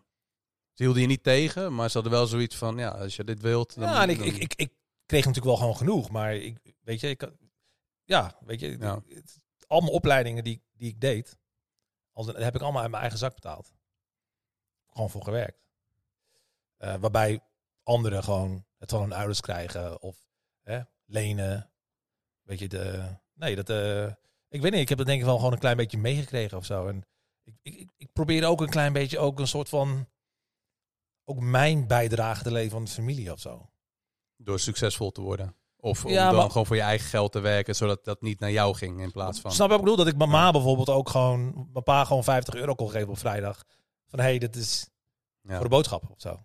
Ja, dat is wel heel mooi. Vond ik gewoon voor mezelf heel belangrijk. Ja. Dat ik dan, ja, ik weet niet. Ik kan het ook niet uitleggen of zo. Nee, met die volwassen rol heb je je wel heel vroeg toegeëigend. Ik denk bijdrage aan het gezin leveren ehm, en, en niet puur kind blijven. Ja, maar het was wel op een gegeven moment wel echt een draai van 180 hoor. Want ik was gewoon echt, ook gewoon echt strontvervelend als kind. Is er, iets, is er iets gebeurd waarbij jij bijvoorbeeld in één keer je leven hebt veranderd of iets dingen hebt ingezien? Ik denk dat het allemaal kwam, ik denk dat het allemaal na de basisschool is gekomen. Toen voor jou ging een wereld open van nieuwe kansen, nieuwe dingen. ja, Dat want je wordt op een gegeven moment gestimuleerd van... Kijk, op, als je op een gegeven moment een jaartje of 14, 15 bent, dan, dan, dan komt op een gegeven moment de grote vraag, wat wil je later worden? Waar ga je heen? Dat, dat, ik denk dat ik op een gegeven moment wel realiseerde van, hé, hey, dit zijn hele essentiële jaren. Hoe ga, ik het, hoe ga ik het verschil maken? Waar wil ik heen gaan? En ik heb wel altijd gewoon gedaan wat ik leuk vond. Dus kijk, als het koken was geweest, Ja, was en, dat ook en- prima. En, was het ook prima geweest. Dan had- ik niet beter, had ik, ik had niet anders gekend. Weet je, dan gewoon lekker in de keuken en eh, had ik misschien een kookboek uitgebracht of eh, was Ja. het daarin. eh, maar dat deed ik wat ik leuk vond. Maar ik heb mezelf gewoon een beetje er doorheen bewandeld. En ja, door bepaalde invloeden vanuit mijn broer, door invloeden om me heen. eh, weet je, dingen die je zelf leuk vindt om te doen, die heb ik gewoon gedaan. En ja, daarbij ook gewoon het, eh, het risico gelopen dat, dat, dat het ook niet succesvol kan worden. En zonder het risico had je er ook niet gekomen waarschijnlijk. Nee, zeker niet. En waar werk je nu naartoe? Wat, wat, waar zie je jezelf over vijf jaar? Je hebt een mooi gezin, drie kids. Ja, ik, ik ben nu wel wat meer thuis. Ik heb wel gemerkt dat, dat ook, eh, ik moet eerlijk zeggen dat de hele coronacrisis ook wel een eye-opener is geweest voor mezelf. Dat ik op een gegeven moment zoiets had van, hey, weet je dat je even uit die sneltrein gaat? Dat ik echt gewoon, ik zat gewoon echt in een trein. Heel verslavend lijkt me ook. Als je zo succesvol bent en elke keer dat je op pad gaat, dat je nieuwe dingen creëert. En weet ook dat veel mensen daarnaar luisteren, dat veel mensen daar baat bij hebben. Ja, weet je, ik denk dat ik denk voor mezelf als ik als ik kijk naar, ehm, klinkt heel raar wat ik ga zeggen, dat ik ja, dat, eh, maar dan praat ik echt voor mezelf. Ik denk dat de hele lockdown en de hele coronacrisis dat het dat het heel goed is geweest voor Het mezelf. is echt een brenger voor jou geweest. Ja, maar niet alleen voor mij, ook voor Nicky, ook voor weet je gewoon dat heel even pas op de plaats, heel even even terugkijken naar waar zijn we mee bezig, wat kan beter, wat kan anders. En vooral dat laatste, wat kan anders? Weet je, dat je op een gegeven moment eh, gewoon zo... Want je bent gewoon continu bezig van... Hé, hey, we gaan weer naar de volgende. En naar de volgende. En naar de volgende. Weet je wel? Dus dat... eh, Werd het ook saai? Had je het gevoel van, oké, ik zou... Nee. Nee, dat, het, wordt nooit, het wordt nooit saai. Het, het, het, het is, het wordt nooit saai. Nee, nee, nee. Het wordt, we leven wel wat mee hoor. Om de, Wat zijn de gekste dingen die je hebt meegemaakt op tour? Ik denk dat daar dan de meeste bijzondere dingen gebeuren op zo'n tour, door heel de wereld. Nou, weet je, kijk, ehm, wij, kijk, eh, Nick en ik, eh, tenminste ons team, wij zijn heel, heel normaal eigenlijk. Hè? We- Weet je, van, wij hebben echt dat Hollandse van, doe maar normaal, dan doe je al gek genoeg. Gewoon nuchter. Waarbij bijvoorbeeld Amerikanen of anderen het gewoon helemaal, eh, weet je, wij, wij houden ons gewoon echt, weet je, heel chill en vragen niet om heel veel dingen of zo. Maar je komt natuurlijk gewoon hele rare promoties tegen. Die dan, weet je, ik heb al eens een keer meegemaakt dat ik dan, dat we dan naar, naar een land toe gingen en dan, dan worden we opgehaald in een limousine van hier tot Tokio. En eh, dan kom je op een gegeven moment eh, eh, bij het hotel en dan heb je gewoon een hele verdieping voor jezelf, weet je wel. Dus ik denk Ja. van, wat, Wat je, gebeurt hier? wat gebeurt hier? Dat je denkt van ja, we vroegen maar gewoon om, om die en die kamer en ik dan een bepaalde kamer. Maar dat we gewoon echt gewoon ja, helemaal in de watten werden gelegd. Weet je wel? Dat je dan, omdat, omdat zo'n promotor of iemand zeg maar indruk probeert te maken. Het natuurlijk gewoon prima, maar ehm, dus dat zijn wel, dat zijn wel echt, je, maakt echt eh, hele gekke dingen mee. Eh, weet je, in Vegas helemaal, weet je wel. Van, hé, ja, die, eh, ja, je, deze fles heb je gekregen. Ik zeg, ja, oké, maar ik, ik hoef hem niet. Ja. Nee, maar neem maar gewoon aan. Ik zeg, wat is een fles van 200.000 euro? Dus ik zo kijk, ik zeg, wat is hier dan 200.000? Dus ik, dan kijk je het en ik ben dan meteen Google erbij, weet je wel, van wat is dit? En dan blijkt toch echt serieus gewoon echt een, een, een, een hele dure fles te zijn. Ja, kan niet even op de foto met Nicky. En, eh, Dan kan dat wel. dus ik zeg Nick, ik zeg, hé, hey, er wil iemand met jou op de foto. Ja, hoezo? Ik, weet je, ik ben aan het draaien, dus nu even niet. Dus eh, ik zeg, ja, maar check even deze fles. Ja, wat is, met deze, wat, wat is die mee? Het is een fles van, eh van 200.000 euro. die meneer, die wil even mee op de foto. Wat? oké, nou, kom maar even dan. Ja. En dan is de promotor natuurlijk ook blij. Weet je, want die heeft zoiets van, oké, heeft weer een fles verkocht en die wil die dan met jou drinken. Maar ja, dat soort gekke dingen. Dus het kan, het, weet je, dat leven is zo gek. Ja. Ehm, en, eh, en, en waarbij we eigenlijk zoiets hebben van, ja, hoeft allemaal niet per se. Maar het heeft ook een andere kant hoor. We hebben ook best wel dingen meegemaakt die, die niet leuk waren hoor. We, ik bedoel, we zijn een keer, ehm, eh, we zijn een keer eh, gewoon neergestort. Met een helikopter. Ziek. Ja. Weet je, met, in, dat was in, nou ja, met de helikopter was in Israël. Deden we een show. En ehm, wij moesten, eh, van het hele eiland moesten we naar eh, Tel Aviv. Nou, en wij gingen opstijgen. En als je eigenlijk, dan ga je eigenlijk een beetje door Israël heen. Dus dan vlieg je eigenlijk over Jeruzalem. En dan ga je naar Tel Aviv. Maar als wij verder waren gevlogen, dan kom je echt in niemands land en dan, ja, dan heb je wel een probleem. En hadden een hele ervaren eh, piloot. Best wel, eh, wel, wel echt een hele relaxte man. En die vertelde op een gegeven moment, eh, we waren aan het opstijgen en zo. En het vliegveld was, eh, was er verderop. En die zegt op een gegeven moment van, eh, ik hoor wel rare lampjes, hoorden we in één keer. eh ging er af en, en, en ging op een gegeven moment een alarm, alarm af. Ik denk, nou, het zal wel. Maar hij bleef heel kalm. Maar ja, als ik zeg maar die geluidjes hoor en dingen, dan denk ik van, hé, hey, Gaat iets niet goed. daar gaat iets niet goed. Dus, dus ik vroeg aan hem van, yo, eh, gaat het lekker of niet? What, what's going on? En, eh, en hij heel relaxed, chill, van ja, nee, eh, de hydraulics, hydraulics. Ik Hydraulics, hydraulics. Ik zit tegen Dick, ik zeg, en Rick die was zat ook naast mij, Ik hydraulics, wat, waar heeft hij het over? En toen zei hij op een gegeven moment gewoon heel droog van ja, I can't. als ik dit zo terug, als ik dit zo vertel, denk ik van holy shit, waar ben ik eigenlijk in beland? Maar waar was ik eigenlijk? Nou, hij zegt ja, eh, gewoon vertaald van hey, de helikopter is onbestuurbaar. Je kan hem niet meer. Dus hij was eigenlijk bezig om dus Een noodlanding te maken. een noodlanding te maken. Shit. Hij zei, yeah, we gonna, I said, we gonna go, we, we, we gonna land. Dus eh, ik zeg, but it's very hard to eh, control the helicopter. Ik zeg, kijk, ik merk het, ja. Dat is gewoon, dus we gingen best wel heel hard naar beneden. En echt, eh, en, en, en op een gegeven moment, ja, ik weet niet hoe hij het heeft gedaan. Is echt, weet je, het- ja, ongelooflijk eigenlijk. Hij, hij, hij trok hem nog net, net omhoog.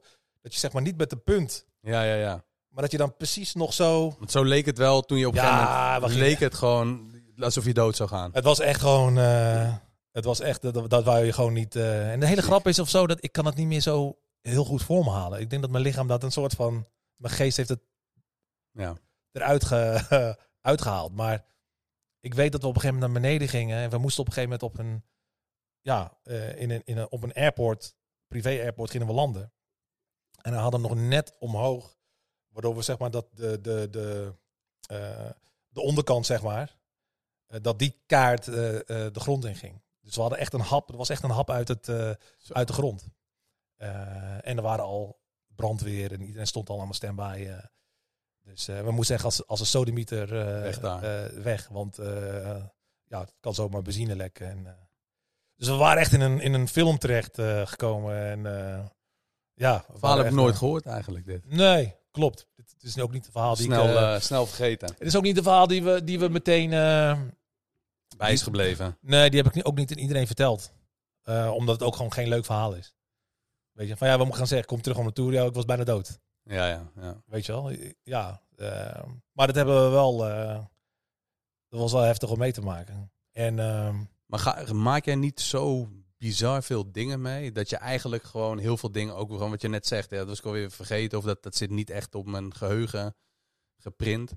Maar dat je, doordat je zoveel dingen meemaakt, doordat je zo druk bent, dat het ook heel moeilijk is om, en dat heb je nu de afgelopen twee jaar gemerkt, dat je wat beter kan genieten. Maar ik denk dat het ook wel heel lastig is om alles opnieuw te herbeleven. Dat je gewoon in het weekend even rustig gaat zitten. ja. En oh, wat hebben we eigenlijk dit weekend allemaal Ja. meegemaakt? Nee, maar sommige dingen zijn ook heel leuk hoor. Er zijn ook heel veel leuke dingen. Ik bedoel, we waren, weet je, we, we komen ook heel vaak op Ibiza en dan land je dus op hè, met die jet op een, op een, op een. Kijk, dat je überhaupt in een, in een jet mag zitten, dat dat, dat, dat zeg maar ons vervoersmiddel is.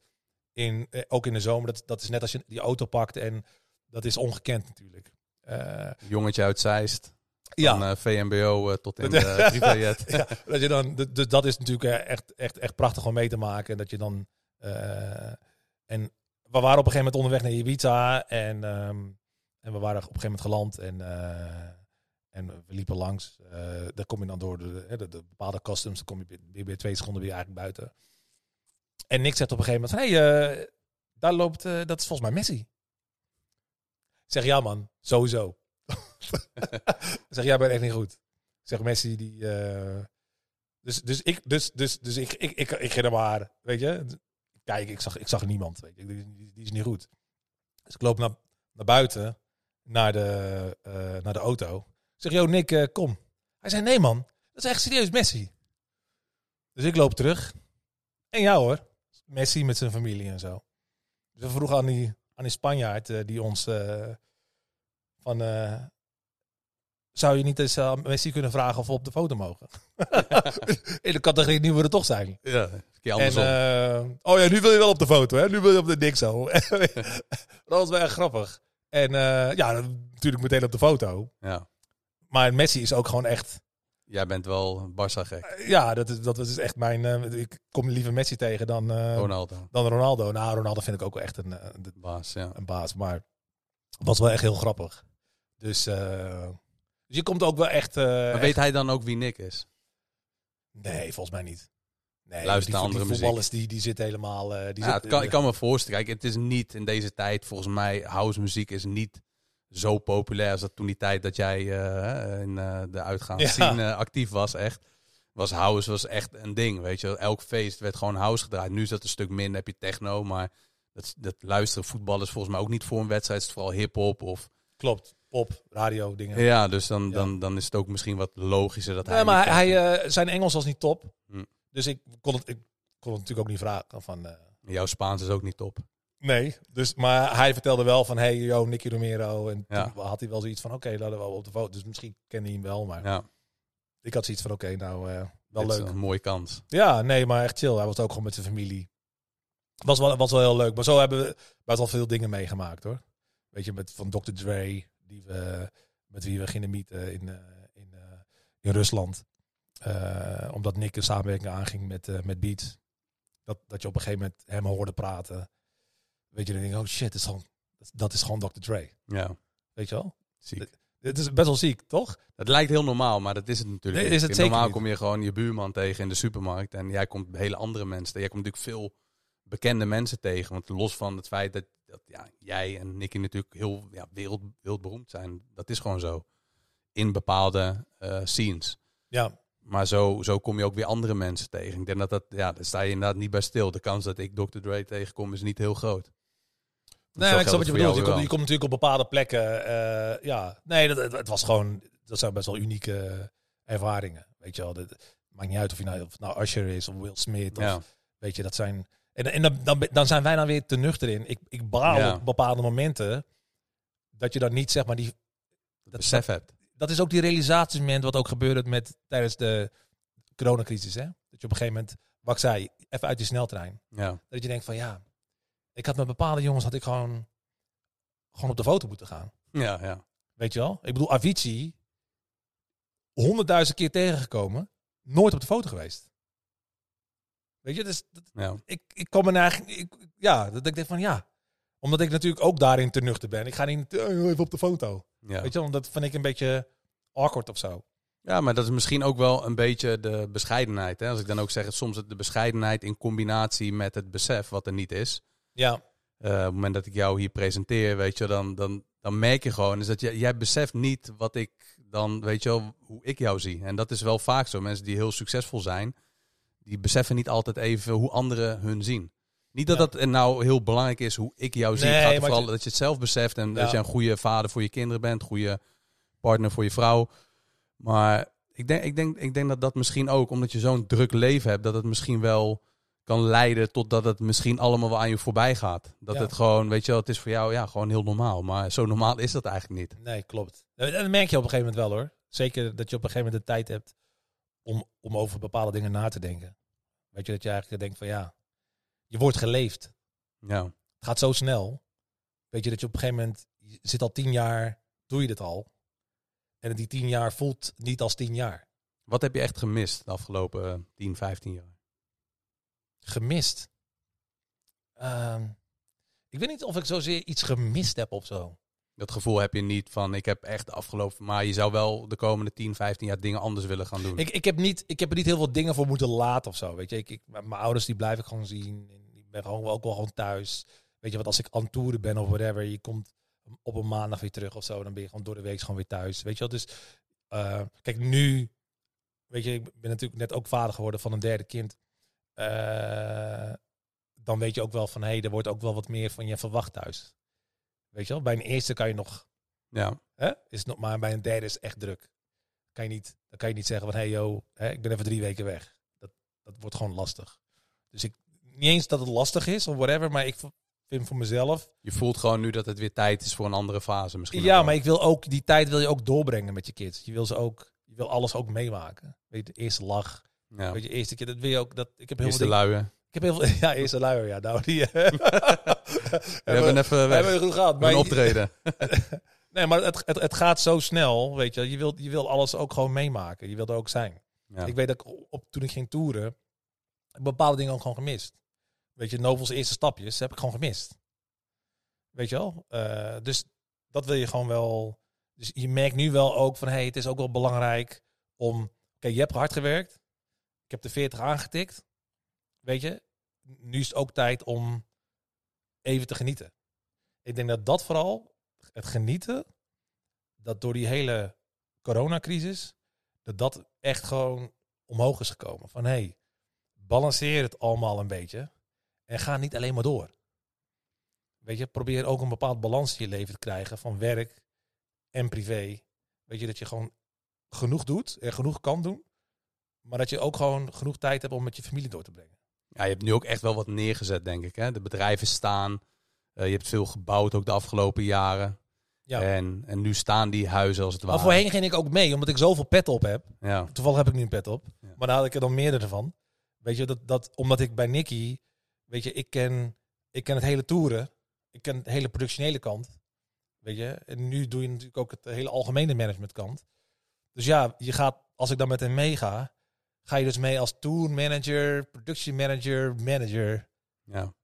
Weet je, eh, dus je hebt eigenlijk, eh, terwijl je normaal gesproken gaat iemand met hem mee. Weet je, dus nu bijvoorbeeld, als hij aan tour is, dan heb ik een tourmanager opgeleid die met hem meegaat. Maar toen wou ik het allemaal zelf onder controle, want je wil gewoon een bepaald niveau halen. Je weet van je bijna het gevoel van als ik niet meega, dan gaat het niet goed of zo. Je Ja, moet ook ja, dingen ja, kunnen loslaten. En dat heb ik uiteindelijk ook eh, wel moeten beseffen van, hey yo, er moet ook gewoon iemand mee. Je kan niet alles zelf doen. Je moet ook dingen kunnen loslaten. Los van het feit dat je al wel gewoon goed was met een team neerzetten, had je toch nog Ja. bepaalde zaken die je dan nog steeds zelf wilde doen. En dat, dat gaat ook steeds beter. Gewoon de wat grotere events misschien. Grotere events ga ik wel gewoon mee. Vind Ja. ik ook gewoon belangrijk. Dat is niet alleen maar, eh, zeg maar om, dat is ook gewoon voor het netwerken. Ja, Weet je, daar, Ja. daar kom je ook iedereen tegen. Weet je, of je nou Tomorrowland doet of, of een Ultra. Weet je, wel. maar dat houdt het ook leuk. Dan ja. Ja. de grotere events. En dan als je dan... eh, Precies. En van de zomer met al die festivals, weet je, dat, in Europa is het allemaal makkelijker. Maar bijvoorbeeld Amerika, dat laat ik nu. Hij, Ja. zit, hij zit nu in Amerika, maar dan is, heeft hij gewoon een Amerikaans tourmanager mee. is ook business-wise Ja, wat, wat rendabel. Het scheelt weer een ticket voor mij. Weet je, qua fee scheelt het ook weer. Dus het is allemaal, het is een win-win. dat, en je hebt het nu een beetje gehad. En je hebt iemand die dat gewoon goed kan opvangen. Ja, precies. En ik kan nu hier op zondag zitten met jou om een podcast op te nemen. Kijk, dat zijn eh, de bijkomstigheden waar we het voor doen. Hè? Ja, toch? Precies. Hey, en, los van zeg maar alles wat jij bereikt hebt in het leven, dat is ongekend. Hè? Dat besef, dat, dat land misschien nog wel een beetje. Ehm, wie zijn voor jou echt grootste, de grote inspiratiebronnen geweest? Of iemand die echt invloed op jouw leven heeft gehad? Waar van, ja, daar kijk ik echt naar, naar op. Ja, ik weet niet per se of dat... Of boeken die je hebt gelezen. Misschien niet personen. Of, Nou ja, weet je, ik, ik, ehm, ik, ik kijk naar heel veel personen. Ik, kijk naar, ik, ik, vind, weet je, ik vind mensen die succes hebben en op hun manier eh, weet je, of het nou een Will Smith is, bij wijze van spreken. Dat, wat, wat, wat hij doet, hè, hoe hij is begonnen. Mhm. Hè, van de Fresh Prince tot in één keer allemaal van die eh, eh, van, grote films spelen. eh, tot aan zelf films regisseren. Tot dan nu weer een nieuwe spin-off maken van de Fresh. Dat vind ik, dat zijn dingen die ik gewoon wel heel mooi vind om te zien, weet je wel. Die inspireren jou echt. Ja, kijk, natuurlijk kan je, eh, weet je, kan je zeggen van, hé, hey, ja, weet je, eh, ik vind eh, Elon Musk helemaal geweldig. Maar weet je, tuurlijk, hij heeft, hij heeft iets neergezet, weet je, wat gewoon echt gewoon de game veranderd heeft. Dat hele elektrische, de manier hoe hij de dingen kijkt, dat inspireert mij wel. Maar ik heb niet zoiets van, oh, maar dan wil ik ook, dat, dat, dat wil ik ook en ik wil ook, dat, ik wil ook miljonair worden of whatever. Mijn ambitie is niet om, ehm, om, om zeg maar financieel dat je een miljonair wordt of whatever. Weet je, kijk, zolang je het gewoon goed hebt en je gewoon je dingen kan doen. En eh, weet je, zolang je gewoon je, je broodje kan eh, beleggen, en, maar wel lekker, Ja.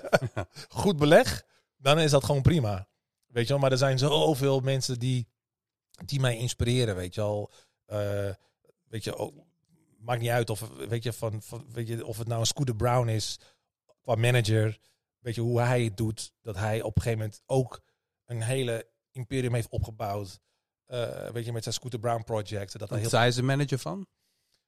hij is onder andere de manager van eh, Justin Bieber. Weet je, eh, hij doet volgens mij ook Kanye West. Hij doet, hij, hij doet heel veel eh, grote... En daar pak je dan gewoon weer elementen uit, uit hoe hij is. Of in ieder geval wat motivatie uit. Maar niet per se de hele persoon erachter. Maar meer hoe, gewoon- ehm, hoe, wat hij heeft gedaan en wat ik interessant vind, is dat, kijk, hij heeft, ehm, eh, hij heeft ook andere managers onder zich staan. Weet je, onder zich zitten. Dus, dus verschillende divisies. Wat ik met Artist Division ook heb. is dat dan ook vanuit hem gekomen? Of wist je dat dat sowieso een keer moest gebeuren? Dat moet sowieso gebeuren. Maar hij houdt wel de supervisie. Weet je wel? Maar wat ik aan hem leuk vind, is dat hij, hij zich ook helemaal, hij is gewoon heel intelligent en werkt ook helemaal de pleuris. Maar hij heeft ook lekker zijn tijd met zijn familie. Ja. En geniet ook van het leven. Dat zie je ook. Een mooie balans. Eh, Het is gewoon een goed balans. Ehm, weet je, dus, dus er zijn zoveel mensen die je inspireren. Ehm, weet je, dat, dat eh, ja, goed. Ja, ja, je hoeft Ja. maar even je social media eh, open te gooien. En je ziet genoeg dingen die voorbij komen die, waarbij je een soort van trigger krijgt van, hey, dat- oh, dat is tof. Oh, wow, well done. Ja. Weet je, dus ja, dan, dan voor sommige, sommige mensen die, eh, die eh, ondernemers daar uh, applaudisseren gewoon voor. Weet je, dan denk van hey, dit heb je well done. Wel dan, ja. Weet je, en, en, en, dat, ja, daar kan je niks van, niks anders dan daarvoor gewoon applaudisseren. En eh, Ja. weet je, en, en, en, en meenemen van hey, zie je nou, weet je, sky's the limit. Er is geen, er is geen. Nee, weet je, je moet gewoon out of the box denken. Je moet gewoon altijd denken van, hey yo, wat, wat kan er allemaal? Wat is er mogelijk en niet, wat kan er niet? Precies. En jezelf ook niet remmen daarin. En hoe heb je, zeg maar, want jij hebt natuurlijk ook, hè, we het in het begin eh, hebben we het er even over gehad. 30 kilo ben jij kwijtgeraakt de afgelopen Ja. tijd. Je hebt een hele jas uitgedaan met heel veel stenen. Ja. Hoe is, hoe is dat? eh, nou, dat zeg ik, hè, toen ik jou natuurlijk ook eh, een gedeelte begeleid heb. Eh, dat begon denk ik een jaar of zeven, acht geleden. Ja. Toen, toen zaten Nou ja, sterker nog, je hebt daarin ook best wel een grote rol gespeeld. Überhaupt. In het begin van mijn, van mijn fat loss. Ehm, kijk, ja, weet je, ik, ik kom natuurlijk van een, van een leventje, de- zeker ook in de tijd van de Monza. Ehm, en ook, ook het hele toerleven, is dat, dat je s'nachts werkt. En dat je, nadat je klaar bent, even een patatje, even een kaasvleetje, even een, je bent niet met je voeding bezig of zo. Weet je, als ik toen aan het preppen was geweest, Ja, ja, was het heel anders. was het heel, was het heel anders geweest. Maar dat, dat, dus die besef eigenlijk, ik, kwam, ik ben er veel te laat achter gekomen dat mijn lifestyle qua voeding super slecht was. Was gewoon toxic, gewoon echt. Maar toen, toen je bij mij begon, hebben we natuurlijk heel veel gesprekken gehad over voeding en wat je dan eventueel anders zou kunnen doen in die situatie toen op dat moment. Ja, Ehm, dat is niet toen direct gelukt, maar het had even een aantal jaar nodig. En ik denk dat heel veel, ik heb dat, ik heb dat heel veel gezien, is dat mensen die gewoon volhouden, ehm, die zeggen van oké, ik ga nu beginnen met afvallen. En hoe lang het duurt maakt niet uit, maar ik, ik stop nooit meer. Ik denk dat dat ook wel de reden is achter veel successen. Niet alleen met afvallen of aankomen. Maar mensen die succes hebben in het leven, die zeggen op een gegeven moment van oké, ik ga nu beginnen met dit, met deze reis. Ja. En ik stop nooit meer. En eh, dat mag best wel vier, vijf jaar doen. Want bij jou duurde het denk ik uiteindelijk vier, vijf jaar.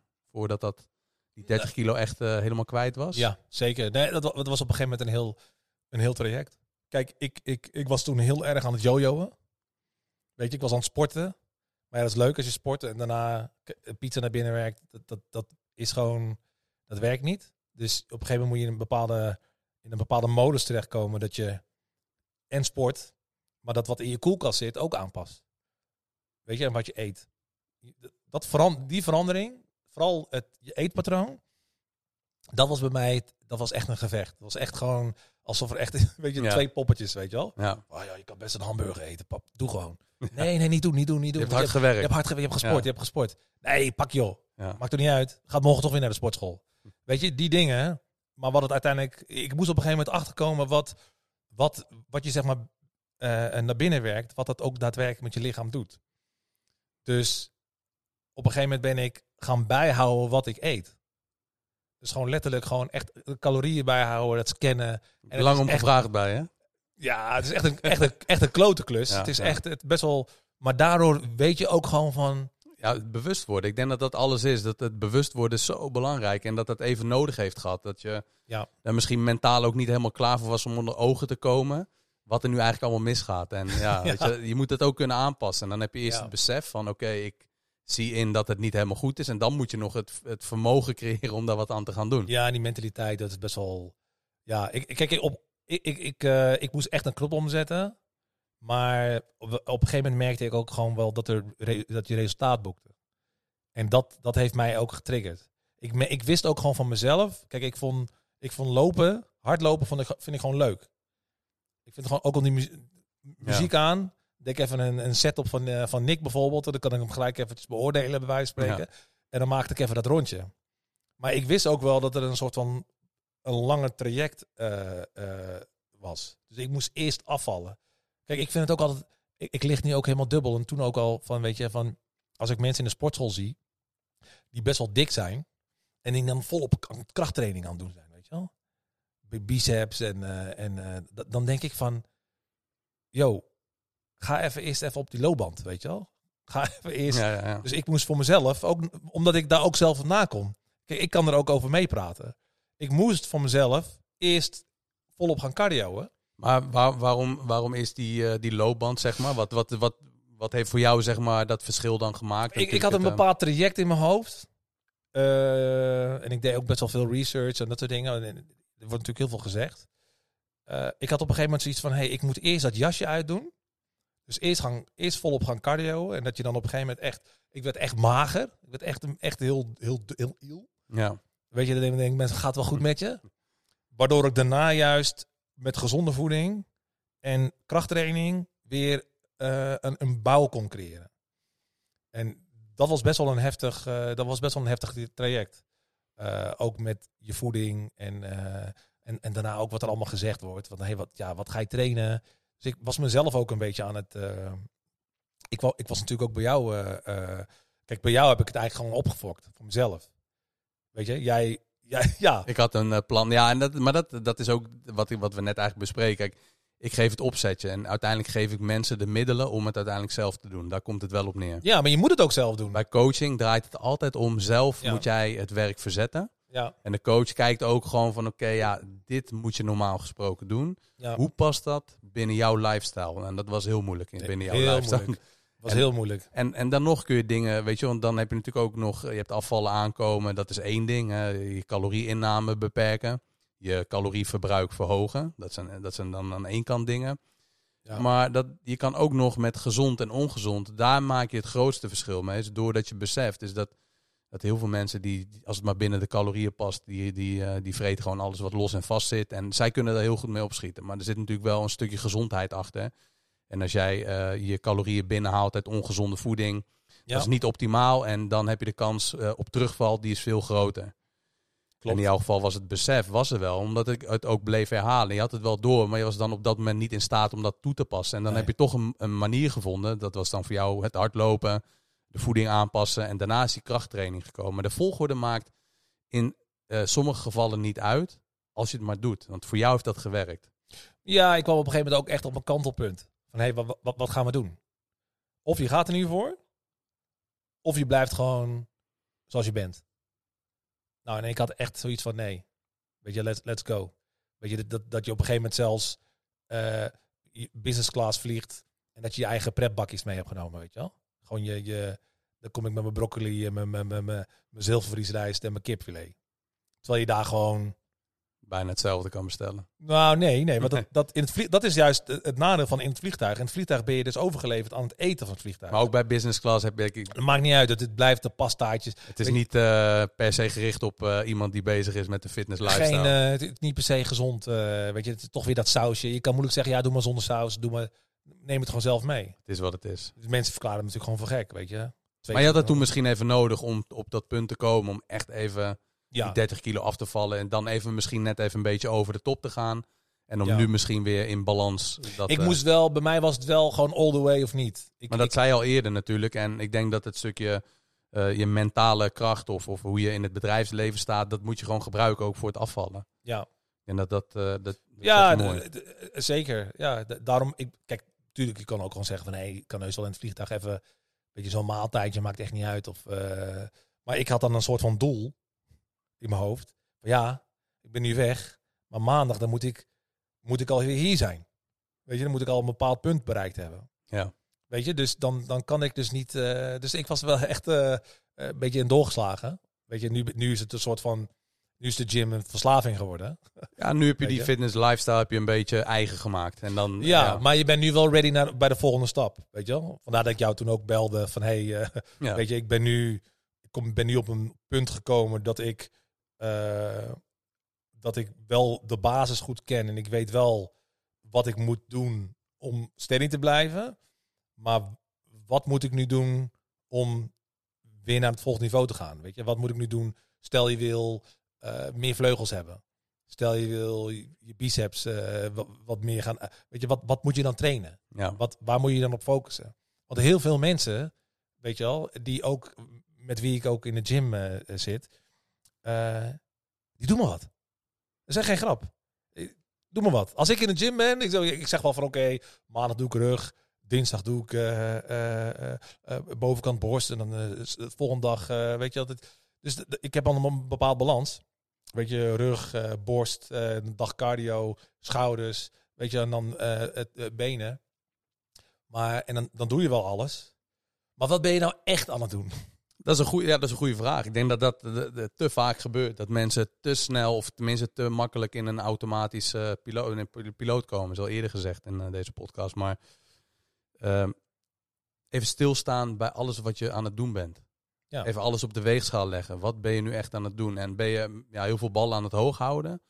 Of ben je echt aan het uh, ja, boven jezelf uitstijgen op een paar specifieke vlakken?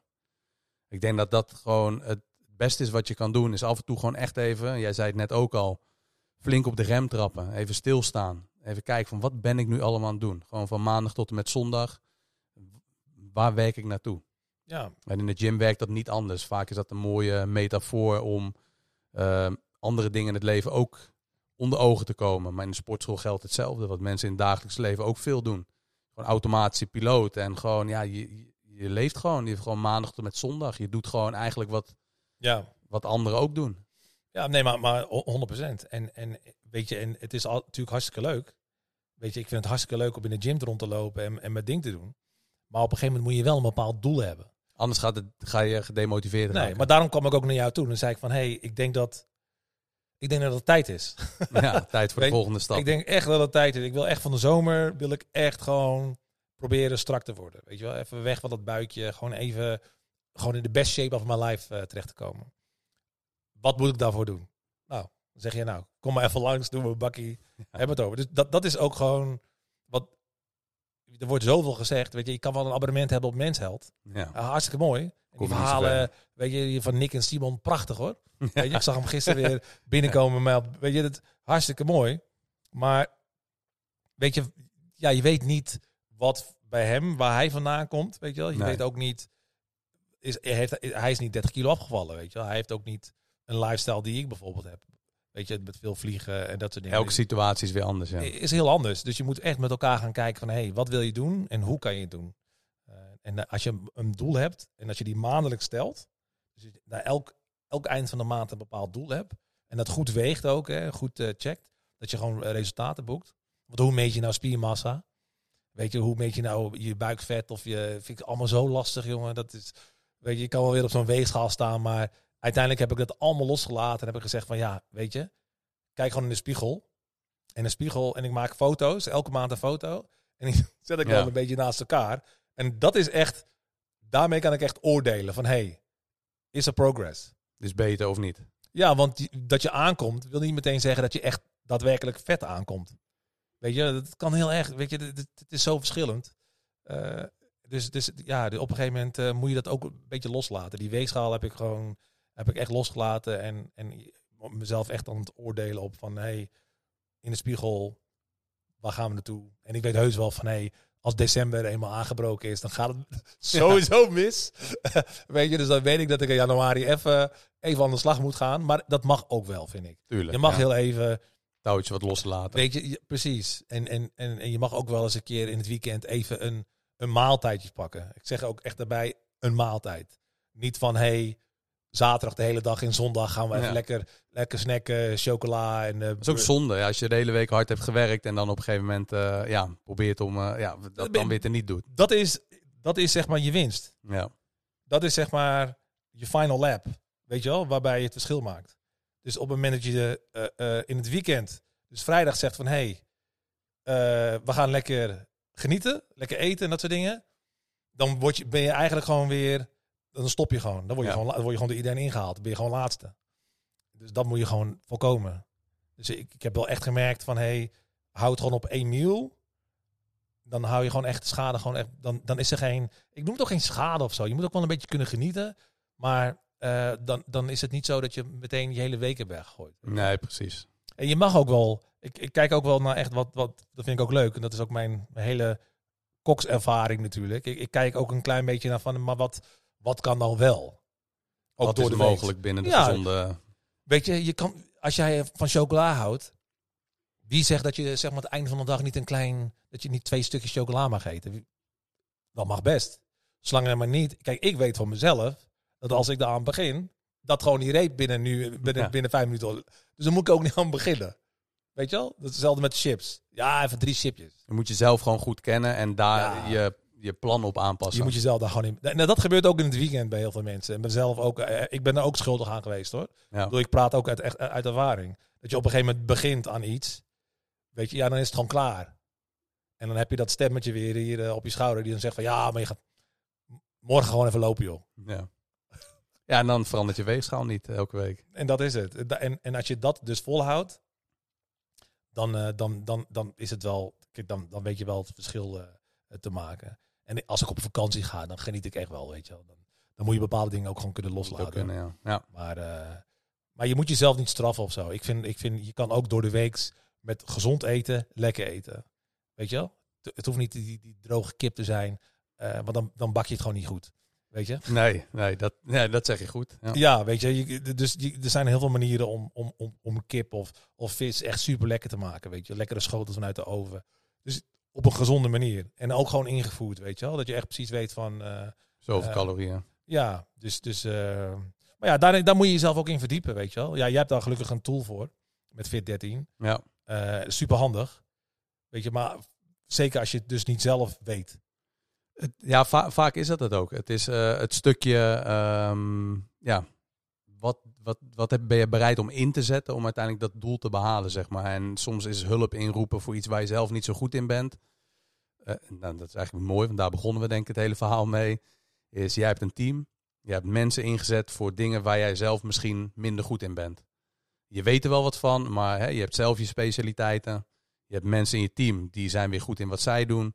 En daarmee maak je het verhaal compleet. Dus je huurt mensen in voor dingen waar je niet zo goed... En, en zo werkt het ook met, uh, met een voedingsapp. En ik denk dat het ook een uh, mooie is om uh, deze podcast mee af te sluiten, waar we ook een, een, beetje mee begonnen.